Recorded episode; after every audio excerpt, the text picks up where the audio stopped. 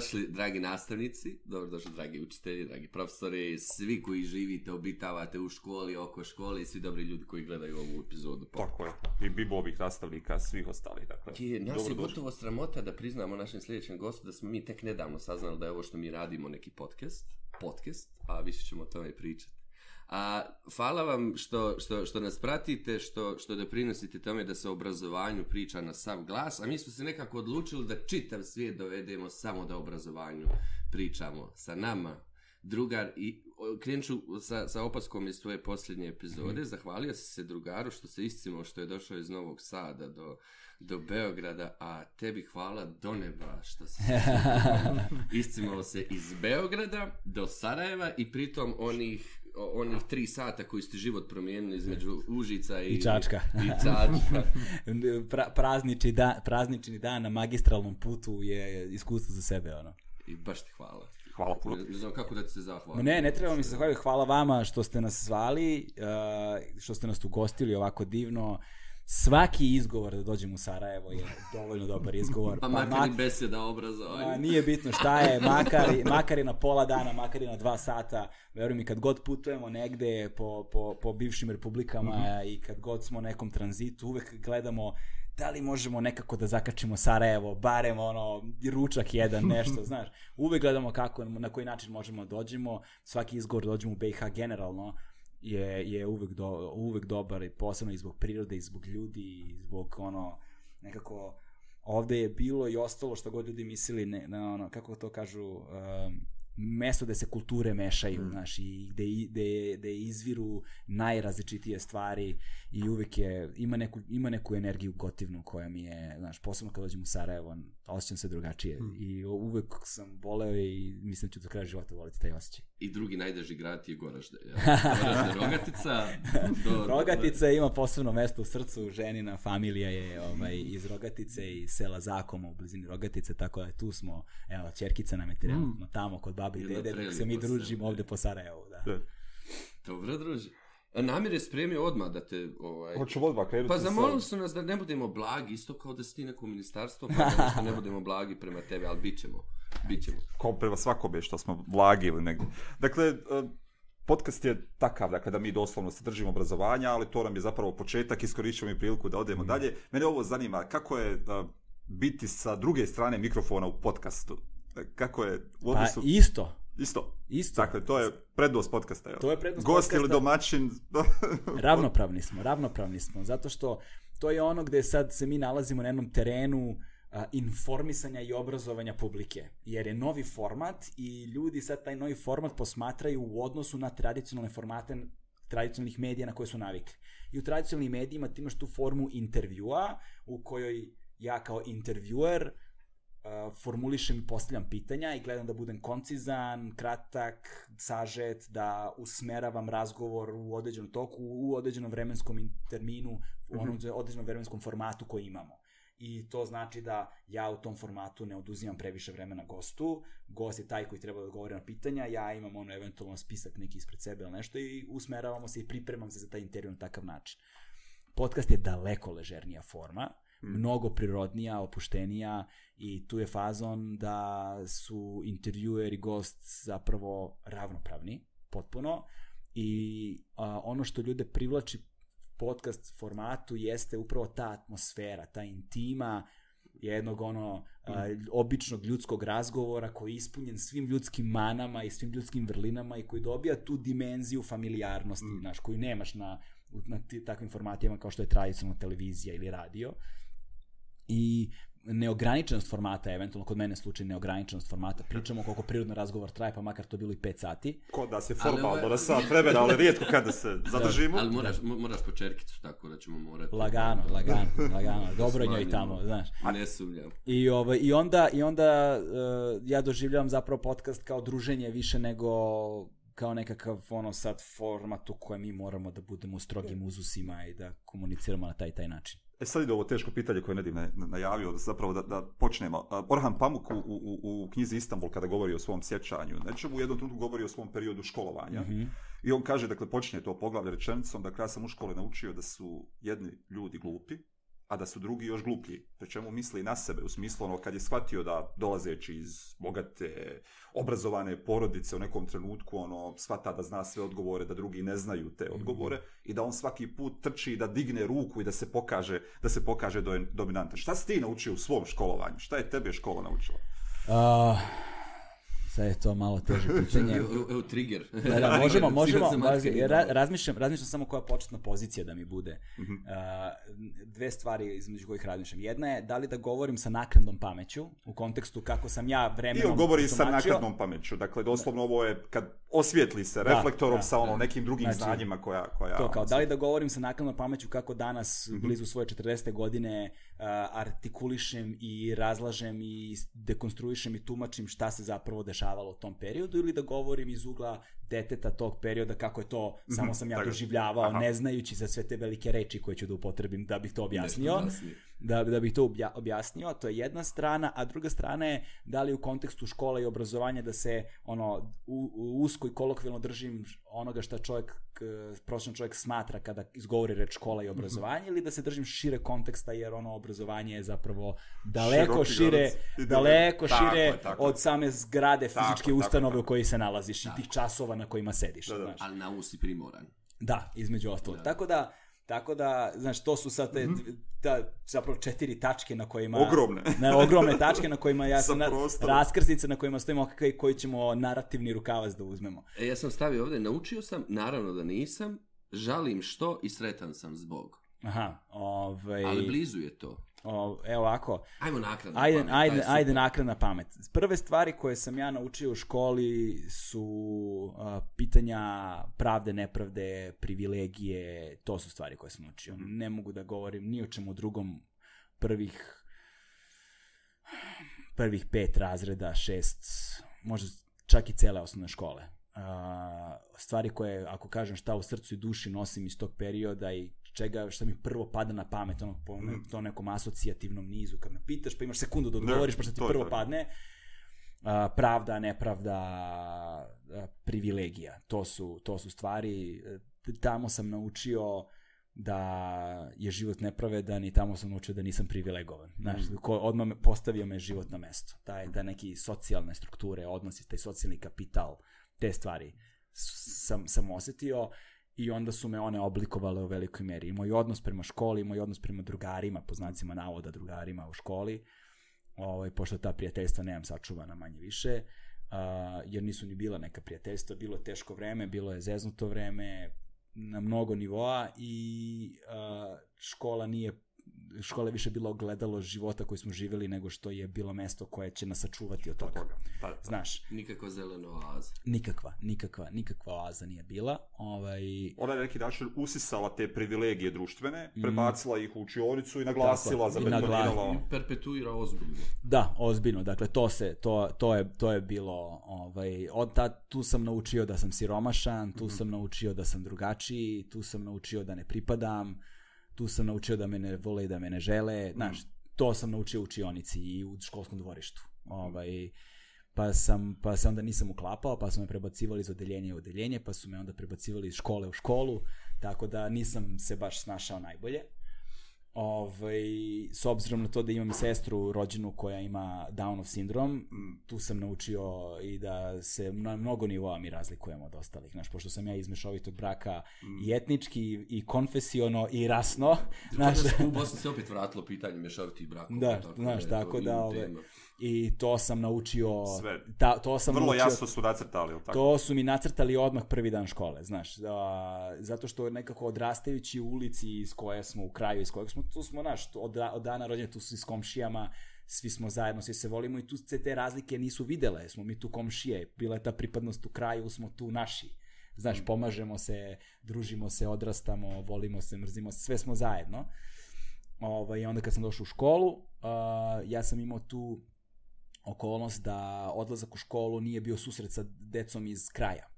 Jer s obzirom na to da moja sestra uh, ima Downov sindrom, uh, morali smo da idemo u školu gde su tada postojala ta specijalna odeljenja, su se nazivala. I škola koja je zapravo u kraju iz kojeg sam nije imala specijalno odeljenje, pa smo morali da idemo u školu u drugom kraju grada. I onda kad sam došli prvi dan škole, ja zapravo su se sva deca koja su se sretala, su se već znala iz Da, da. svojih A vi ste ulica i to, a ja nisam poznavao nikoga. Znaš, sestra i ja nismo nikoga poznavali, mi smo bili potpuno novi i, i onda je ta barijera bila st- strašna, a onda kada te vide prvi put, procenjuju te na osnovu neki, nekih ono karakteristika koje dete može da skapira u tom trenutku. Koje kupi odrastajuće društvo Znaš, određeno. u- da, da, odrastajuće društvo u kojem smo bili, dete su ogledala tog društva, tako da, tako da nažalost ne mogu da kažem da sam poneo ovaj, neka baš divna iskustva iz tog najranijeg perioda. Kasnije sam imao, naravno, brojna lepa iskustva, ali to je, do, to je došlo kasnije i kada se formiraju neka prijateljstva, posebno što su me prebacili iz odeljenja odeljenje i škole u školu, pa sam ja kasno počeo da formiram ta prijateljstva. Tek kad sam došao u po svoju poslednju školu koju sam bio, Veselin Maslaša, koja je već bila i u mom kraju gde sam Mhm. odrastao. Gdje si imao djecu Tako da kad sam došao u odeljenje, već sam znao deset ljudi iz ulice, znaš, tako da je tu već bila bolja slika. Sigurnost. Da, već je bila bolja slika, tako je. Ovaj, I tu, tu, se, tu je već stvar bila nešto drugačija, mada su se, znaš, te klasne razlike su bile strašno izražene i to je se videlo na svakom koraku od patika koje nosiš, od ono, odeće koju imaš, od uh, to je, tad je bilo ono, ja sam, pošto smo mi bili siromašni, mi smo bili ono gratis dete u odeljenju, pa tačno se vidi šta je dolazilo od, od Pa znaš, zato što šta god da je, E, mi smo, da, skuplja, svako da Nažalost, pomalo. znam. Da, znaš, e. Ove, I to je nosilo opet svoju stigmu sramote, znaš, i, i načina koji se uh, koji se, koji, se, koji se odnose i obraćaju i način na koji se nosiš. možeš Naravno, ovo- način na koji se nosiš pre svega sam sa sobom. Je, znaš. je li možeš sad, ono, sad iz ugla ne nakade pamet, nego iz tog dijela, je li ti bio problem ustati ujutro otići u školu? Tada, Jeste, da, da, jeste, bio mi je Imaš problem. sad psihosomatiku od škole? Kako Mm. se osjećaš u blizini škole? Pa nemam. Jel te nervira miris škole, kao ono kod zubara? Ne, ne, ne, ali sam imao jednu vrlo uh, zanimljivu situaciju pre nekoliko godina, ne mogu tačno da se setim, ali recimo na 3-4 godine, uh, radio sam mali dokumentarni film koji nosi naziv Pravo na život. Mogu ljudi da ga nađu online. Um, I taj uh, film je zapravo adresira problem uh, osoba sa smetnjama u razvoju, sa intelektualnim teškoćama i tako dalje, s obzirom na istorije sa mojim sestrom i, i igrom spletom okolnosti, eto, celog života sam, u, sam upoznat sa sistemom socijalne zaštite u Srbiji koji je tamni vilajet. Ovaj, znači to je na, od- početi samo da opisivanje problema socijalne zaštite u Srbiji je ono, ne, previše vremena bi nam uzelo samo da opišemo krug oko svih problema, kamoli da počnemo da ih razlažemo. Aha. I ovaj i jedna od problema socijalne zaštite je bilo to takozvano stanovanje uz podršku, sada ne se ne bavim time i ovaj koje je ukinuto bilo na teritoriji Beograda i dalje ne I postoji. isto da, je ukinuto, ukinuto. ukinuto i dalje ne postoji i onda sam se ja bavio tim problemom zato što su postala neka deca koja su ovaj 14 godina bila deca, nisu deca, su odrasli ljudi zapravo. 14 godina su bili u sistemu a, stanovanja uz podršku, samo im je, su im oduzeti ti stanovi i vraćeni su domove posle 14 godina života, slobodnog života. Znači, to je katastrofalna, ka, katastrofalna ovaj, stvar i mi smo snimali taj period. To, smo, to sam želeo da snimim, to Mm. kako, kako im ukidaju to je stanovanje vraćaju ih nazad domove i da negde se pozabavimo tom problematikom i u kontekstu toga ono što sam shvatio radeći dokumentarizam jeste da moraš da pronađeš tačku identifikovanja da bi probudio empatiju kod ljudi. Bez identifikacije nema empatije. Nećeš je probuditi Vrlo jasno. Uvek će biti a, to neko drugi, nešto strano, nešto drugo sa velikim D. Znaš, i ljude to generalno ne zanima. Posebno kada treba da emituješ na televiziji, nekom tradicionalnom mediju, u ne znam, u 9 uveče, kad su oni radili ceo dan, hoće neku Ti razon, još dođeš još sa- mi ti dođeš s teškim pričama, znaš. Ali to nije onaj entertainment kao što imaš te neke emisije gde kao nađemo neku jadnu porodicu, pa eksploatišemo Do, tu, da, tu, dajemo tu, pomoć, priče. dajemo sve. pomoć, Ne. dižemo im kuće i to, pa ti eksploatišeš tu neku I patetiku. još i ti ne- glasaš. Da, još glasaš. Za porodicu. To je, to je bilo... Znaš, pa, pa to neki, sen, To- ta to neki sentiment, taj, znaš, i to, ovaj, pa onda stvoriš tu katarzu, pa jao, pa smo im poklonili nešto, pa svi plaču, pa jao, kakva divna emisija. Znaš, kod mene, kod onome što smo mi radili nije bilo toga, nego, znaš, prikazujemo problem i ne ostavljamo, znaš, ne nudimo ti ono entertainment value u kontekstu Niti kao katarze, niti prikazujemo ružičasto, brate, problem je i treba da ga rešavamo, znaš, eventualno imaš neki call to action na kraju, znaš, nemaš ništa drugo. I ovaj, i to ljudi naravno ne žele da gledaju, znaš. I imali smo ono prema tim analitikama vidimo kao broj ljudi koji počne i broj ljudi koji završi gledanje, znači to samo ovako, nemo beži bre, daj neku zabavu, ne.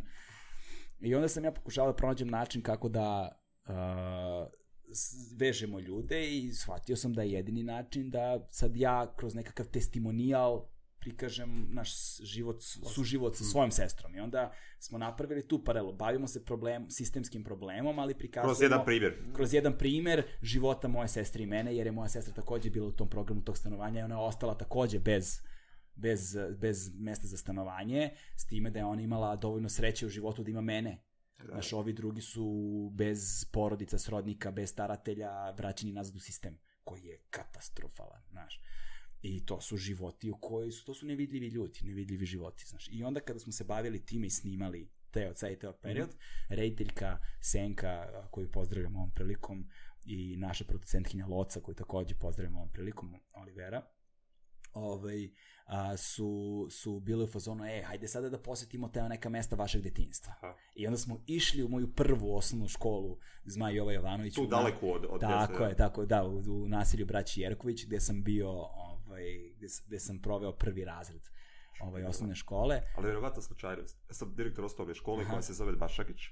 Ona se do 73 zvala Jovan Jovanović Zmaj, da. a od 73. se zvala Veselin Maslaša. E, to... no, sad kao toponimi, Zmaj Maslaša. Da, to je to ti, vidiš. Ove, i, I onda smo otišli u, ško, otišli u školu koja je ista, znaš, ista je. Ja, ostalo je sve. Ostalo je isto sve. I tad sam imao... Uh, uh, tad sam imao jedan, jednu emotivnu reakciju za koju nisam ni znao da je tu. Razumeš, znači probudilo neku emociju. Da, ja koju nije, nisi razmišljao, nisi, ono, nisi imao. Znaš, znači nisam... D, d, pa, pa, d, Ili nisi Teška je bila, znaš, bila je teška, ono, znaš, dovela me na neku, na neku, znaš, nije mi bilo sve jedno. Mm. Nije mi bilo sve jedno toliko godina kasnije, ali da je, znaš, nisam je, znači, ni u jednom jedinom trenutku svog života, od kad sam otišao odatle, ja nisam pomislio više na tu školu. Nisam pomislio na te ljudi, da, da. šta. To prosto nije bio deo nije ni u jednom aspektu mog života. embedded bilo. Ne, a vidiš, čudno je potpuno. I onda sam došao, ono, 30 godina kasnije sam došao tu i taj, je naš miris škole, izgled, kad je zazvonilo, pa kad su deca istrčala iz učionica. To kao da se vratio. Ono. Kao neki trigger, bam, samo me. Isto. A? Pritom sve isto. Pritom sve isto, znaš. I prije 100 godina i bit će i za 100. Znaš, da, to je, uf, to je, znaš, i, i samo je nešto probudilo u meni. Još sam se sa sestrom vratio, pošto smo nas dvoje mm. snimali smo dokumentarnost, pa smo nas dvoje zajedno došli. Pa su ovi kontaktirali školu, pa su nas našli u registru tamo, znaš, evo imamo kada ocene i to, znaš, pa kao idemo da vidimo dnevnik, bra. Nemoj, nemoj, nemoj, nemoj, nemoj. Znači, ne, ne, ne, ono, znaš, to je bilo baš onako kao, znaš, kao neki tuđi život da posmatraš, kao da nije tvoj, a opet tvoje, znaš. Mm. Znaš, ta ljudi ima problem sa, sa, mm. sa školom, pa i ne osvijesti ga i ne promišlja, mm. ali susret sa školom, pogotovo roditelja koji dolazi na roditeljski, ta psihosomatika je dokazana i postoji. Mm. I očigledno da dobar dio ljudi nosi neugodne iskustva. Nije ona baš tako romantična i pjevljiva. Ali kako je to lijepo jedan čiko iz 19. vijeka definirao od kolijevke pa do groba, najljepše je đačko doba.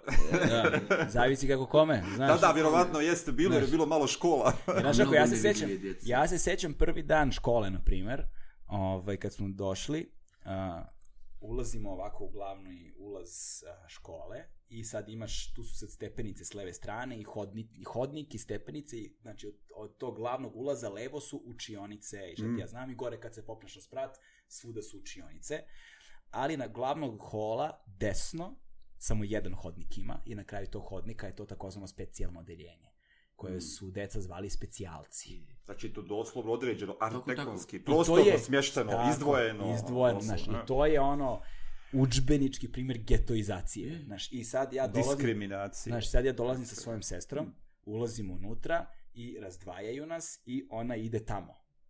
Mm. Znaš, sad tu je bio kao neki dnevni boravak mali, pa iza dnevnog boravka na kraju poslednja učionica, ono koje gleda na ulicu tamo, razumeš, ka, mm. na kraju hodnika, tu je specijalno odeljenje skroz izolovano ovako na kraju u zapećku. I onda ona odlazi tamo, a mene odloče na drugu stranu neko odeljenje, me smeštaju.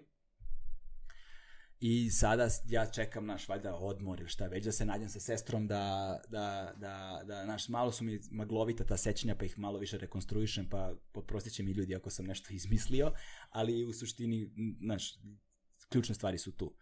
A, I valjda na, da li neki prvi odmor i šta li već ja sad se vraćam, hoću da vidim gde je sestra, kako je ona, jer znaš, odrastali smo tako i majka je ona, ona sadila da moram da vodim računa o sestri, valjda to je prirodno negde tako valjda bilo.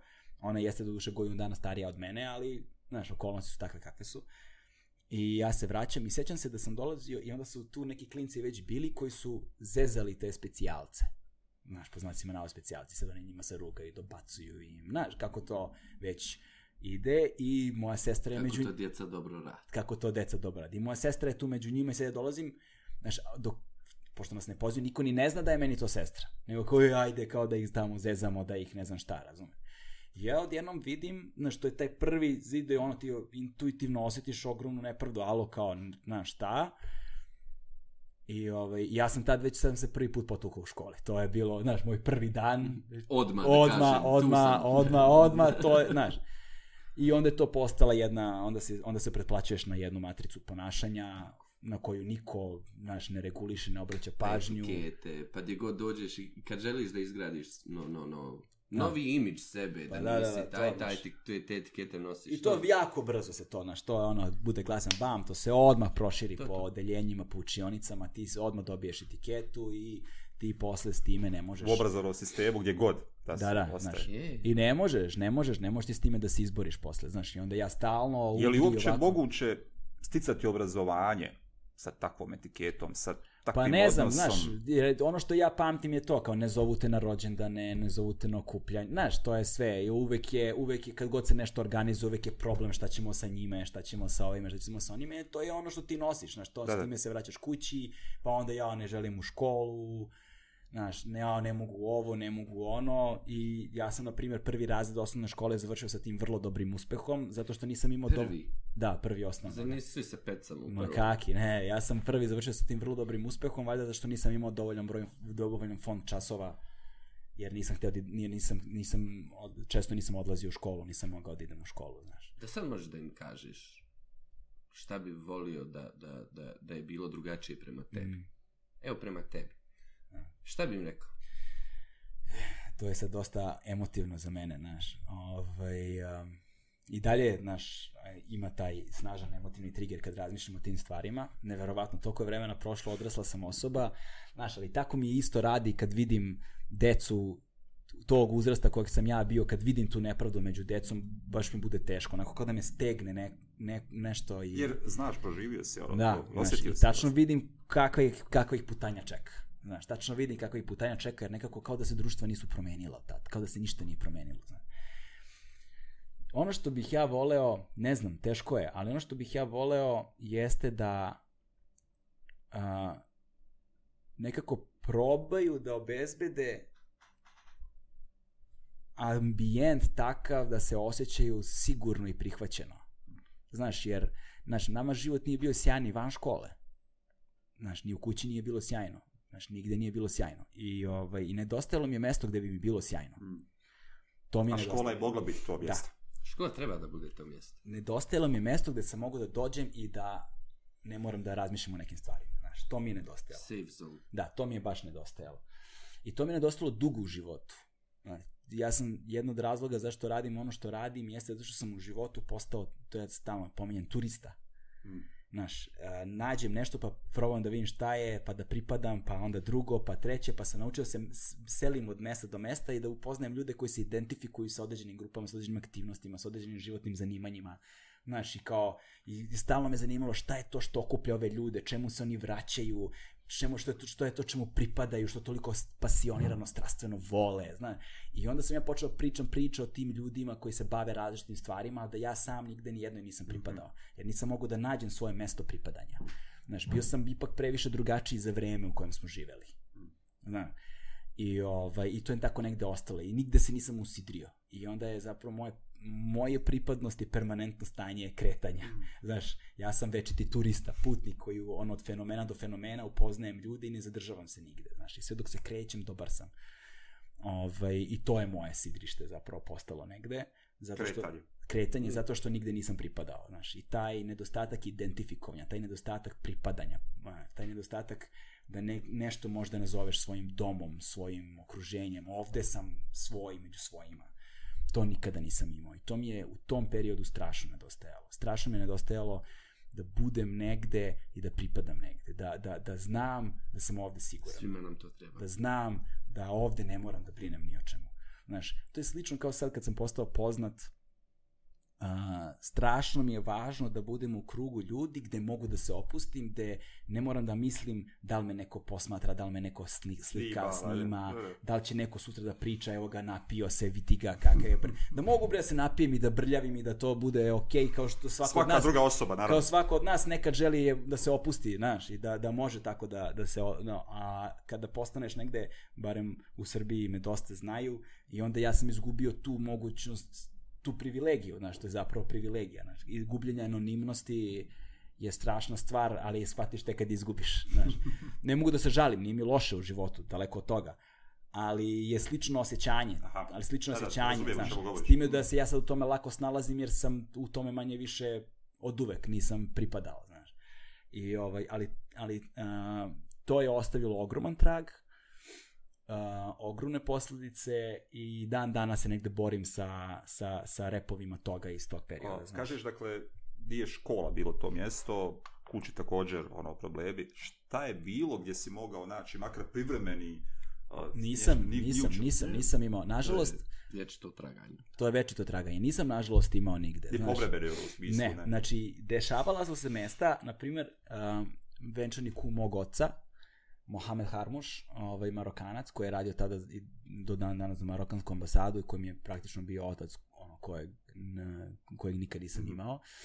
On, je, on mi je pomogao u jednom trenutku oko moje 14. godine da me izvuče s ulice i upo, upoznao me tada sa nekim ljudima koji su me odveli na, a, u atletski klub Crvena zvezda tadašnji ovaj, u Beogradu i gde sam ja sad odjednom došao kao da treniram atletiku. I, ovaj, i jedan, pe, jedan deo mog života je stadion, taj gde sam trenirao atletiku, ovaj, bilo to mesto. Znaš, imaš ceo jedan život koji je takav kakav je, ali onda spakuješ stvari u torbu i odeš na stadion i tamo su neki ljudi koji nemaju nikakve veze ni sa čim od tvog dosadašnjeg života, koji žive neke druge živote, koji ne znaju ništa o tebi, Da, koji da, ne da, znaju, da. nemaju nikakav kontekst i tu možeš da Zanima budeš... samo taj trening, vježba, dogovor. I zanimaju jedni drugi, drugari su, znaš, ali, ali tu sam mogao da budem šta god sam hteo, znaš, Aha, nije bilo aha. nikakvog konteksta, Da, da, da. Recidiva koji nosi. teret, da. niš, Ovo, nikakvog, znaš. I onda sam ja bio taj, dođem na stadion dva sata pre treninga, ostanem tri sata posle, znaš, tuširam se sat vremena, ostanem sa sledećom grupom koja tu Jesi Trenira makar neki, tamo. drž, jesi makar državni neki rekord. dobar sam bio, dobar sam bio, bio sam baš dobar, bio sam prvotimac zvezdini, to, šta? A šta? U kojoj disciplini šta u životu? 800, 800, 1500 i štaf, štaf, štafeta 4 puta Ja 400. mislim sada po cijeni života da ne bi istračao ni 800. Pa ja isto, verovatno. Ma dobro, ja se trudim, malo treniram i dalje, ali ne živim tako zdravo kao Ne što sam živio tada. Ovaj, I sećam se toga, znaš, da tog, tog perioda, taj period mi je bio ono baš dragocen i on me je spasio u velikoj meri i mom kumu koji mi je tada uputio tamo i svim tim ljudima sam beskreno zahvalan i to su recimo neka prijateljstva zapravo moralo pokazuje koliko institucija, bilo kakva, može pomoći ono. Ako su ljudi u njoj ispravni, znaš. Da, da, da. Ovo je, ovo, ovo je važno zbog, zbog, zbog naših nastavnika koji nas gledaju. Mnogo je takve djece. Mm. Dakle, Da. Bosna i Hercegovina nije, nije ništa različita. Mnogo je nevidljive djece, mi često pričamo o njima. Mm. Jedno je socioekonomska pozadina i to, to, to trećina stanovništva živi u vrlo lošoj, odnosno na granici ekstremnog siromaštva. jeste. Dakle, ne siromaštva, ekstremnog siromaštva. Ova druga trećina nosi recidive rata i tako, to su, kako ih zovu, disfunkcionalne, ali prezirem tu riječ. Dakle, porodice u kojem nedostaje jedan roditelj i tako i pune su bosansko-hercegovačke škole. I zato mi je Zato ti hvala eto što si podijelio. Mi Da, da. nismo htjeli ići, ići u tom smjeru, ali taj osjećaj sigurnosti i pripadanja je nešto što škola mora da ima. Mora da, da, da, da njeguje, mora da, da ta kultura postoji bez obzira na osobu, nastavnike, to. I onda se dešava to recimo kad smo bili u toj poseti nazad u osnovnoj školi, upoznao sam jednog dečka Petra I meni je to neverovatno, znaš, sad opet negde otvoreno je za polemisanje, meni je neverovatno, ali možda postoji nekakav razlog zašto je to tako i dalje postoje ta specijalna odeljenja. Znaš, Škole čitave specijalne. znaš, čitave, da, ali postoje ta ce- U specijalna... školama. Ovdje to nema. Znaš, ovde i to oko nas ima.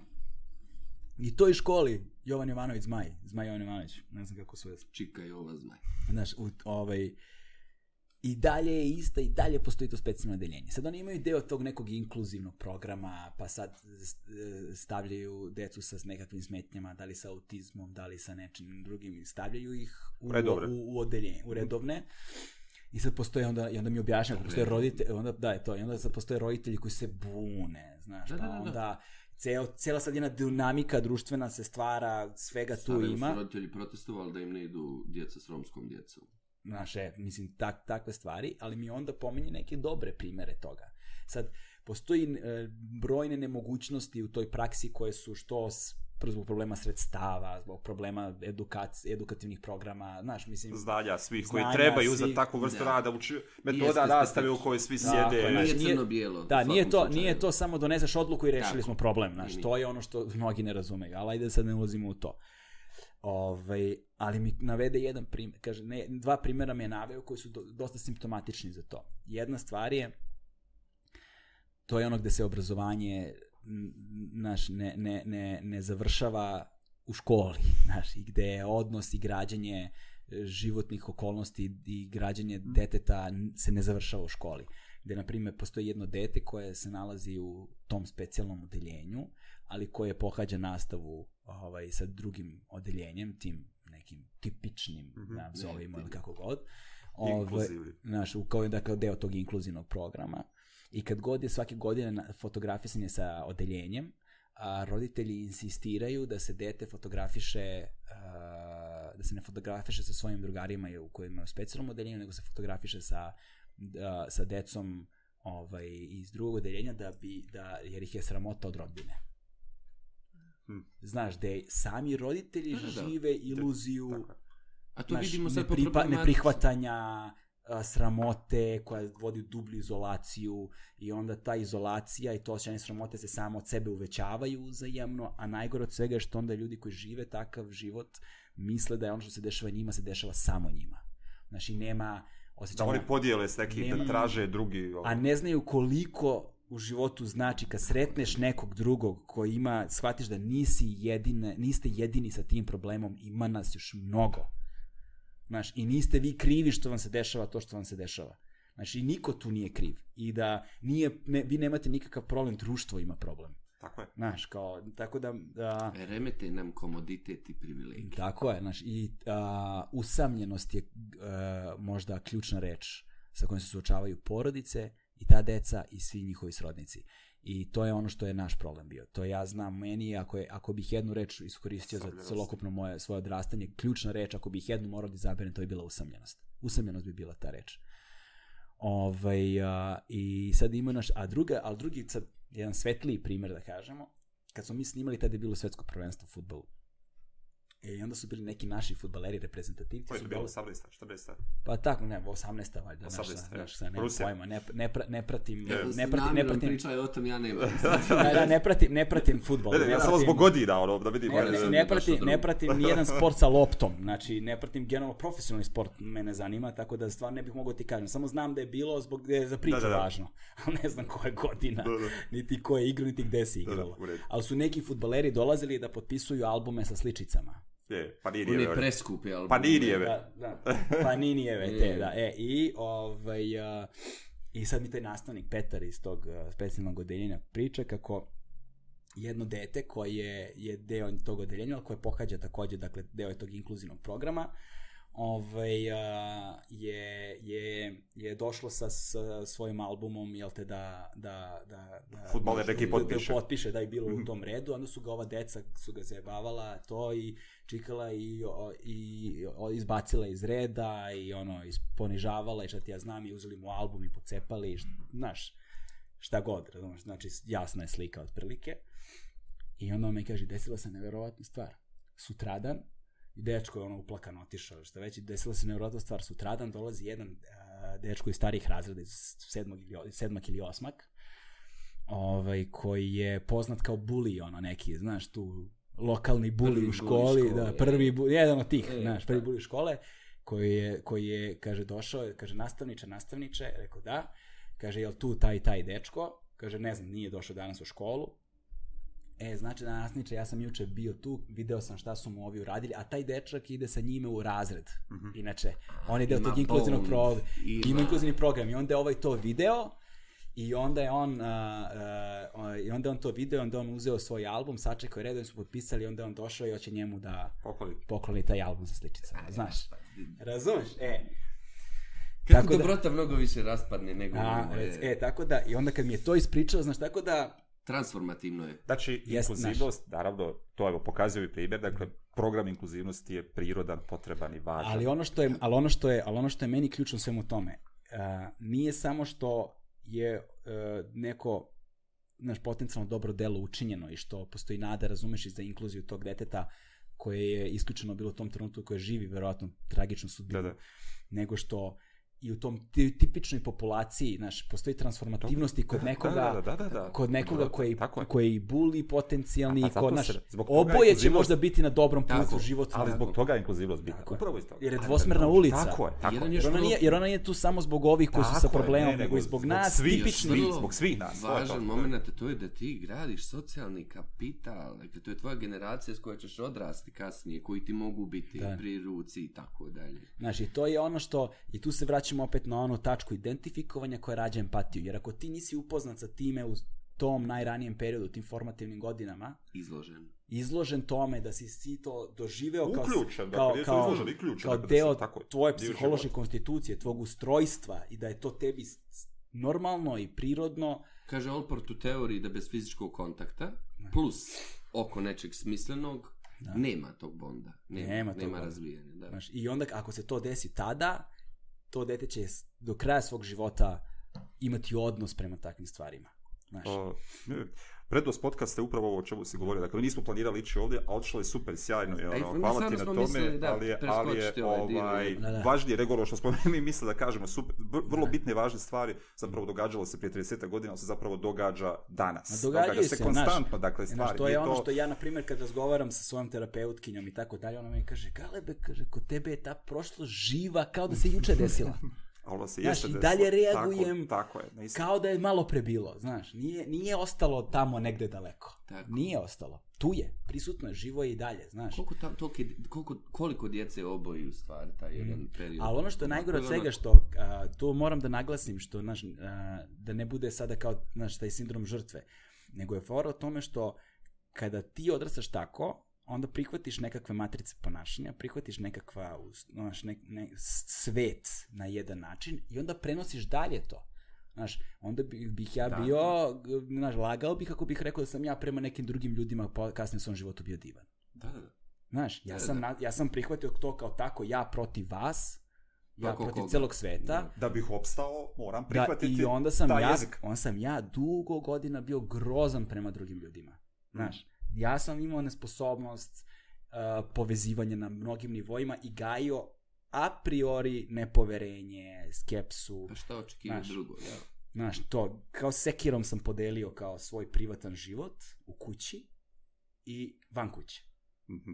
Znaš, i meni drugari nisu dolazili kući, ja nikoga nije, znaš, moja majka nijednog mog prijatelja nije upoznala. Znaš, to je, tako se živelo. Na šta ti ima, ovo ovde Dva čuvam, života.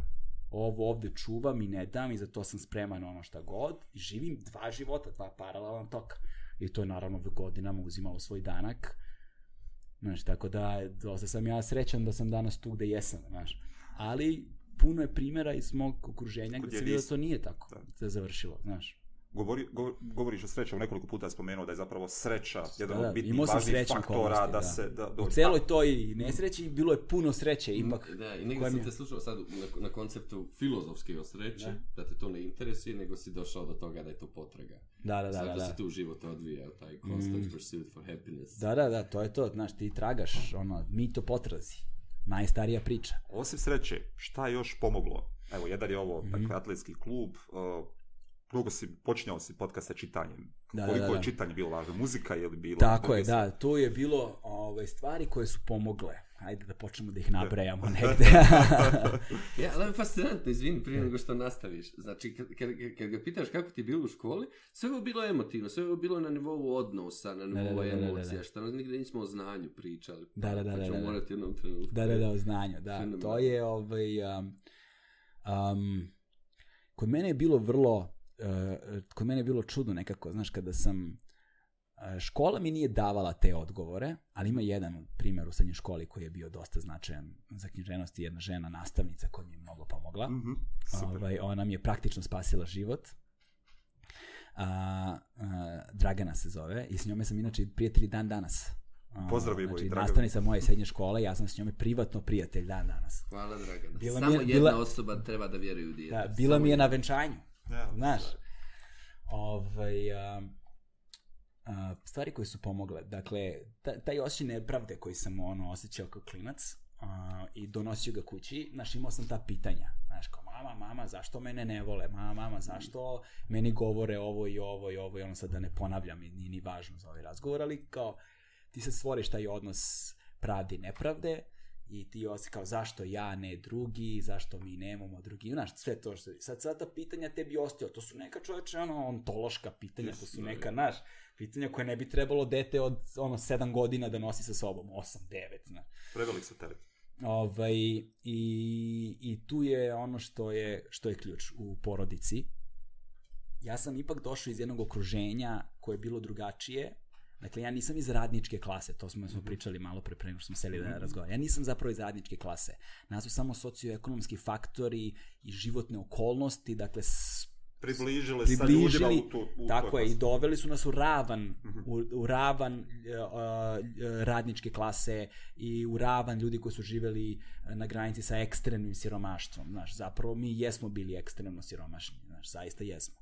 I, ovaj, I onda sam bio okružen takvim ljudima. I sad neka prva pripadanja koja su bila su tim okruženjima, je to je sad ono što je problem. Kada nigde ne nađeš uporište, ulica ti ponudi jedno, znaš. Ovaj, nekako je čudno bilo, ti drugari s ulice su bili, znaš, i iz rasturenih porodica, i iz različitih, ono, okolnosti, bilo je tu svega i svačega groznog i onda su mi jedni drugima bili porodica. Tvoj ortak sa ulice, to ti je i brat, i otac, i majka, i sve, i ono, u sve me diraj, ali me u drugara ne diraj, znaš, to njega, pogledate neko, i od, znaš kakav je osjećaj kad neko me dira, ne znam, u školskom dvorištu i onda se pojavi njih, čuju oni, i onda sutradan se pojave u školskom Postoji dvorištu i kaže šta je bilo. Evo, sigurnost Da, da. sigurnost. Pa to ti nudi. A to ti daje, znaš šta ti, oni ti daju jedan, jednu dozu samopouzdanja, dozu nekakvog prijateljstva, nekakve ljubavi. Kao i svaka radikalna grupa. kao i svaka radikalna Da, da, grupa. da. Tako, između, znaš, ja to tad nisam znao, znaš, i niti je to bila ideološki određena radikalna grupa, mi smo bili samo klinci s ulice, znaš, nismo bili ni na koji način, bili smo su više mali da bismo bili određeni, ali prepoznavali smo se, znaš, to kaže, neki ljudi se upoznaju, neki prepoznaju, ja, mi smo se tu prepoznali. Ovaj, ali ono gde čini razliku jeste kad god je situacija društvena dolazila do jedne tačke koja je zahtevala da se pređe preko Mhm. ivice, neko sidro je u meni bilo, znaš, neka unutračna kočnica, nešto u meni, Mhm. što ni dan danas ne umem da objasnim šta je, ali nešto, neka sila veća od života me samo kopa, zaustavi mi i ne da mi. Sve možemo dok je sve zezanje ovo ono može, ali onda oni odu korak dalje od tog zezanja, a ja povučem ručnu i ja, idem ja ipak kući, ne mogu, ja, ja se uplašim, mene strah, mene ovako tresem se sav, i ovaj kao, ja, vidi ga kakav si, kao ja, Pa da, više ne pripadaš ni tu. Znaš, pa n- n- bio sam ono, znaš, da sada ne psujem, nastavnici gledaju, znaš, ali bio sam ono, Ne, znaš, mi vraćamo realnost u to, školu. to, to, stvari, bio, sam, bio, da, realno, to bio sam ono pička u društvu, znaš, ja vi ga ovaj, ja, znaš, ja, Režimere. to, ja, nema muda, vidi ovaj, vidi ovaj, nema muda, nema muda, kakav je, znaš, da, i ovaj, ali su me opet prihvatali jer su videli da su moje okolnosti takve kakve su i bio sam deo njih, znaš, ono, pripada, prihvatali su me, ali me više samo nisu ni zvali u svoje akcije. Je. ovaj, nisam bio deo toga. Ali onda znači da ni tu nisam do kraja pripadao, jer onda čim ne pripadaš do kraja, onda ni oni ne izgrađuju odnos poverenja skroz, ne dele se tobom sve, ne ide se do kraja u komunikaciji, znaš, ne, deli, ne ide se do kraja u deljenju. I onda vidiš da ipak si negde ispod, stepenik ispod, znaš.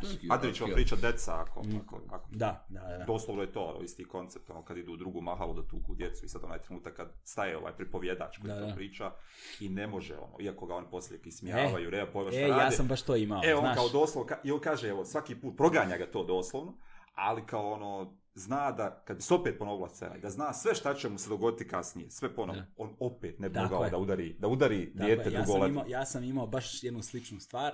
Trebalo je da idemo da se bijemo sa nekim ljudima u školi i onda su se u kraju svi pokupili ono štangle, cigle i šta ti ja znam i meni dali neku ciglu.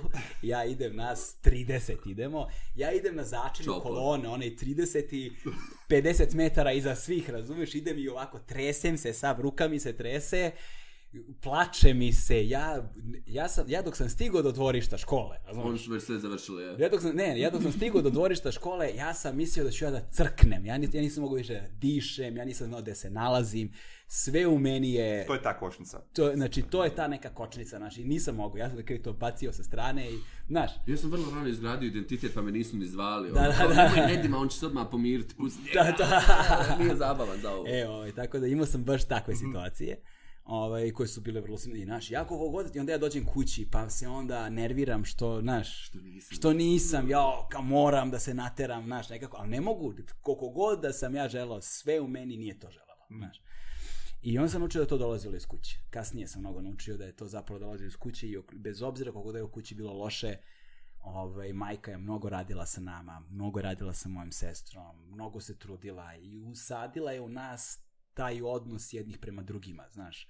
I kako su to moji drugari govorili, slušaj Galebe, kaže, mi ako padnemo, pali smo sami, ti ako padneš, vučeš sa sobom i majku i sestru. Znaš, i bila je, je taj jedan To odnos. Dodatni teret. Dodatni teret je bio, koji ono, koliko god je s jedne strane bio pritisak, s druge strane je bio i nekako kormilo, znaš, u životu. Znaš, bilo je nekako kormilo u životu, bilo je toga. Neka veza je uže. Ali ona pitanja koja sam postavljao nisam nalazio odgovor nigde, Da, da. znaš. I nemajući ni očinsku figuru, uvek sam me negde tražio u životu i ovo i ono, i onda sam naletao na stripove. Aha. Letao sam na stripove i naletao sam na muziku. To su bile dve stvari koje E, su mi je se desile. da, da. To je bila, bio je taj generacijski generacijski shift je bio, ta Mhm. generacijska promena. Znaš, nikada sa mnom nije komunicirala ta muzika jugoslovenska koja je bila tog vremena. Mhm. Znaš, kako ono, pevaju tamo Ma ja i neka dalje ne mogu da prihvatim da ne znaš tamo neka azra, pesmu. nešto. Ma ne znam, ja čoline pesme, ali kao, znaš, nisu da me... ne uživaš u njima. Da, nisu me, nije me ta muzika me... moje mati. Znaš, pa nikad me nisu dodirivale, znaš, što u tim godinama ja to, znaš, to sve meni preletalo iznad glave, znaš, i onda, dok se nisu pojavili ti likovi koji su, ono, sa ulice repovali u ulici, i odjednom je taj jezik, taj kolokvijalizam, taj, ta, taj mrak, taj bes, kao, wow, vidi, ovi me razumeju, ovi me razumeju. Znaš, on sam kroz Neko njih, isto osjeća što i ja. neko isto osjeća što i ja i nisam jedini I u tome, nema znaš. pakovanja i nema. Nema pakovanja, nema ništa, be, nije filtrirano, to je to, tako je, ta stvarno je tako, znaš. Pa ono Robin Hood sa pesmom, da li osjećaš bes? Osjećam bes, brate, osjećam ga, Bijesan bravo. sam potpuno. Idemo, idemo na repeat dok se ne izliže kaseta, razumeš? To je, to je Je li bilo... to bilo ona kaseta okreta? Tako, sve da, Da, da, to, to, to, to, znaš, a onda odlaziš pa kupuješ, a onda ideš ulicom, pa onda, znaš, ti nosiš majicu nekog benda, pa onda vidiš nekog klinca kog ne poznaješ, koji nosi istu takvu majicu ili majicu nekog Nova sličnog benda. identifikacija. ono. I onda se mi vidimo na ulici kao, a, kao kako se zoveš, znaš, Mm. i, i ja počinjem polako da formiram prijateljstva koja su bila van tog kraja I gde sam stvar volje odrastao. ne nužde. Stvar volje. I odjednom ja odlazim negde, sad iz svog kraja, ja sam s Voždovca, odlazim sa, sa Voždovca u centar grada na Trg Republike, gde su se okupljali ti skateri, reperi i to. I sad mi tu gradimo svoj narativ. Ja njima ne pričam o svom životu, o svojim šta god, ništa ne znaju o meni. Oni o meni znaju koju muziku slušam, to nosi sa sobom skup nekakvih vrednosti i mi se tu poklapamo. Ali taj skup vrednosti po kojima smo se poklapali, to podkulturno pripadanje, subkulturno pripadanje, to me je odredilo. Mene je muzika tu definisala u ogromnoj meri. Mm. Zato sam se tom njome toliko bavio u životu. Ne, ne, važnost kulture generalno, a onda sam kroz njih i kroz sva te stvari opoznavao malo strip. Mhm. I on sam dobio ono Zagora, naravno, e, Dilana Doga, Marti Misteri i to. A kroz Dilana Doga sam se zapravo upoznao sa nekim elementima književnosti prvi put. Ovaj, I kroz uh, popularnu kulturu, tada, znaš, e, oni su bili prve ljudi koji su mene, koji su, me, koji su pričali o filmu, na primjer. Znaš, ja, ja do svoje fazom 15. godine života nisam pogledao dva filma. Znaš, prosto tako smo živjeli, znaš, to su, znaš, ono, boriš se bre da imaš da jedeš, nemaš struju u kući, ono, kakav film, bre, nisam gledao film nijedan, znaš.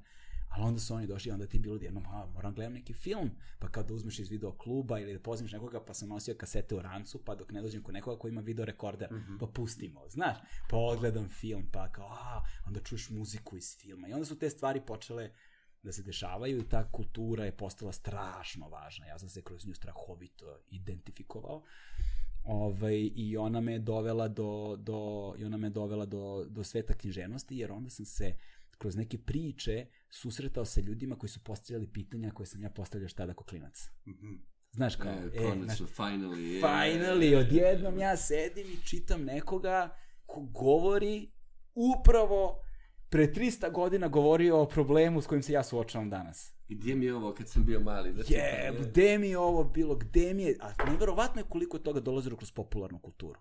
A da samo nisi umeo da ih učitavaš koliko je toga dolazilo, ne znam, kroz Odiseju u svemiru, ono, koliko da, da. toga je dolazilo kroz, ne znam, mržnju Metija Kasovica, koliko toga je dolazilo kroz, znaš, tako neke filmove, samo što ja to nisam imao alat da učitam. Ne je. Znaš, ja sam vidio trenerke, crno-beli film, pištolji, ulica, o, kao to su moji ortaci i blokovi, znaš. Ona, iz video bez zanima. Dakle, za čitanje treba strpljenje. Tako je.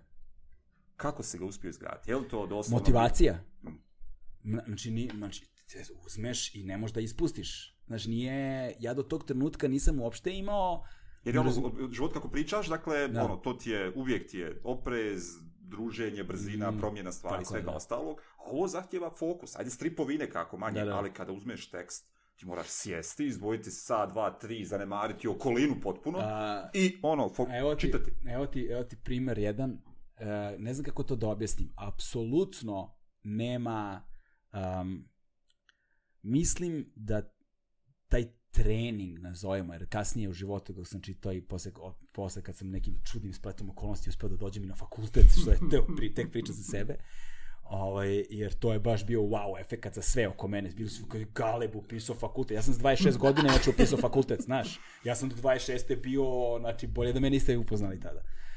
I ovaj i sećam se um, u srednjoj školi, ta žena koja mi puno pomogla, i to je ono gde od, zaista, zaista mislim da ukoliko se pronađe prava motivacija, ukoliko se ubode ono, pravi trenutak, prava tačka, na pravi način, kod bilo koga, to izaziva nešto zbog čega ti nikakav prethodni trening ne treba, ti prosto želiš. Mm -hmm. Znaš, i to je to, samo me drži.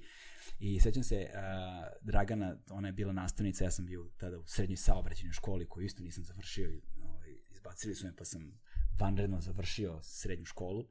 Jer inače ne bi fakultet upisao. Da, ili kojeg su bacili iz škole, da ga mi imamo u podcastu.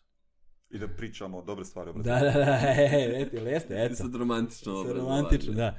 Ovaj, sećam se, ona je meni donela jedan dan, donela mi je knjigu, ali pošto tada nije bila, ta, ta knjiga je bila redka da se kupi, antikvarna izdanja su samo bila, pa ona fotokopirala svoj primjerak, pa mi je dala fotokopiju. Ovaj, sad neću, evo, na primjer za jednog ja sam tada imao možda 15 godina, mm -hmm. razumeš, znači za jednog 15-godišnjaka sa praktično nula čitalačkog iskustva, nisam recimo ni jednu lektiru nikad pročitao do tog trenutka, ovaj, uh, uh, dala mi je uh, roman Glad Knuta Hamsuna. Aha. Znači, može li ono dalje od toga? Ja uzimam glad Knuta Hamsona i zanimljivo je sad neke paralele sa mojim današnjim životom. To, pošto je taj lik je u romanu novinar. ja sam tad bio... Podcaster, nije? Nije podcaster, bio, bio 15-godišnji klinac. I sad roman je pisan to ja sad sve dana sa naknadnom pameću. Ja tad čitam i nešto me privlači, ne znam šta. Mm. Dakle, nagrađujem se, ne znam šta. Ja sad, ono, e, znaš, 25 godina kasnije ti objašnjavam šta je verovatno bilo, ali to tad nisam znao. Ali lik, neimenovani lik, dakle može da bude bilo ko od nas, u prvom licu jednine, dakle, naš ono, testimonijal, priča o svojoj bedi i svom siromaštvu u vreme kada je u Norveškoj bila velika ekonomska kriza, inflacija koja je tad bila kod nas i on nije imao šta da jede i nije imao gde da živi, isto kao ja u to vreme. Ovaj, I bile su te neke scene gde ti vidiš da neko toliko duboko prodire u ljudsku psihu i u ljudsko stanje koje ja do tog trenutka nisam umeo da podelim ni sa kim. Ja nisam mogao da objasnim ljudima šta je to šta osjećam i kako osjećam. Odjednom je neko artikulisao To isto, isto. Jel, ono, čitaš tekst i vidiš to isto. to isto i kao jebote, vidi, on je to naj... Pa da, ovako, ovako se osjećam. Ja do tad nisam znao kako se osjećam, nego sam ja tad Mm. i ima ta, ima ta scena ovaj, čuvena u tom romanu kad on priča, kad je on bio toliko gladan, da je počeo da sisa, siše unutrašnjost sopstvenog kaputa, ne bi li izvukao neki mineral ono iz tkanine i kada je iza neke mesare gde su ono obrađivali svo meso i onda ono je ono je zadnje užas koji neće ni oni da je, koji ne mogu ni zašto da bacali u đubre, koji ni psi nisu hteli da jedu, kad je on uzeo i probao to da glođe, pa mu pripala muka, pa, pa, pa, pa pljunuo i bacio, o, kad ti vidiš do kog ekstrema odlazi to siromaštvo, ali onda na kraju dana i onda odlazi u neku uh, onda odlazi u neku pekaru gde kao ovaj uh, gde ne znam da li isprosio neke pare zaboravio sam i kupi ne znam kiflu ili tako nešto ali mu prodavačica pogrešno vrati kusur, vrati mu više nego što je. I onda on ode srećan, kao pojede, ali onda počne polako da ga grize savest zbog, zbog toga. toga. I ono danima kasnije to savest počne se umnožava i bez obzira na njegovo ekstremno siromašno stanje, bez obzira što ta sitna kinta ništa ne može da promeni, on ne može da podnese da je ono 7 dana kasnije lud Da. od griže savesti, se vratio, bacio je gađo novcem koje ono brate nije ni, ni kapirala ni ko je on i zbog čega to radi i pobego glavom bez obzira samo da više ne duguje nikome ništa. I onda ta taj sukob unutrašnji, znaš, to, ukro bih, ali ne mogu. Mm. Znaš, gladan sam, ali želim pošteno. Znaš, nekako da na kraju dana, bez obzira koliko god da se tvoje potrebe svode na, na, na, na te Prehranu. primarne, Ne, primarne egzistencijalne stvari, bez obzira na kraju dana si negde ipak i dalje čovek. Da. Znaš, i da tvoja lična odgovornost i da tvoj je odnos Potreba. i dalje potreba i da tvoj odnos prema tom, si- tom Da, siromaštvu. zapravo da je to čak važnije od ove egzistencije. U Tako tom je. trenutku, Da. dakle, njemu je važnije to nego ako da li će izgubiš- sutra i- moći da jede. je. Jer ako izgubiš to, izgubio si sve. Ja sam tad počeo da kapiram ono, pa da čoveče, znaš, sirotinji sve možeš da uzmeš, a ne možeš ponos da im uzmeš. Znaš, to sam od uvek, od uvek sam prisustvovao, znaš, sedim sa drugarima u nekim situacijama i drugi, e, evo ti, ne znam, kao neka kinta, ono, kao, kupi nam ovo, pa nemam pojma, drži, on, ko je, hvala, super i ode, znaš. Ali, ali meni ako ponudi, ja sam ono, šta mi nudiš, kao, šta ti misliš da ja kao Da, nemam, to znaš, ne odmah, e, e. da, znaš, ljudi koji nemaju tu vrstu egzistencijalnog problema nemaju problem da prihvate. Oni koji imaju, odmah u to učitavaju, znaš, ruka koja daje uvek iznad ruke koja uzima. Znaš, I nekako a, taj odnos duboko uz, ugri- uzizdan u tebe i onda neko da bi ga premostio mora prvo znaš, mora da razume način kako da ti priđe i kako da komunicira s Ona tobom, empatija da, da, da razume sve aspekte tebe, da bi ti otvorio ta vrata poverenja da mi onda možemo da komuniciramo. Ako to, taj put ne prevalimo prvo, sve ovo ostalo je potpuno besmisleno. Ne, ne, ne, do, ne dolazi do tebe, ne dodiruje.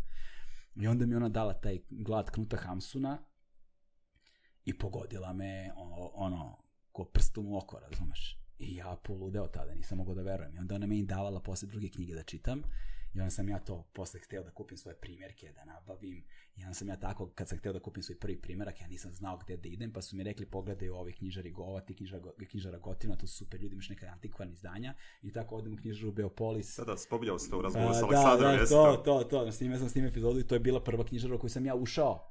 Kad sam bio ono, neotesani klinac, znaš, sa nepunih 20 godina, a ja dolazim i kao, brate, treba mi, znaš, Knut Hamsun. Ni šest. A ovi, a ovi u fazonu, ko je ovaj klinac, znaš, kao, sa sve, znaš, ne, ne izgledaju tako ljudi koji kupuju Knuta Hamsuna, znaš, bila je ta neka neobičnost u vezi sa mnom tada i tad smo se povezali i ništa, znaš, i onda kad, eto, kako počnu neke stvari da te zanimaju, provodiš više vremena bavići se njima, onda, naravno, gravitiraš ka tim stvarima, upoznaš ljude koji su sličnih interesovanja i stvar počinje da se kotrlja.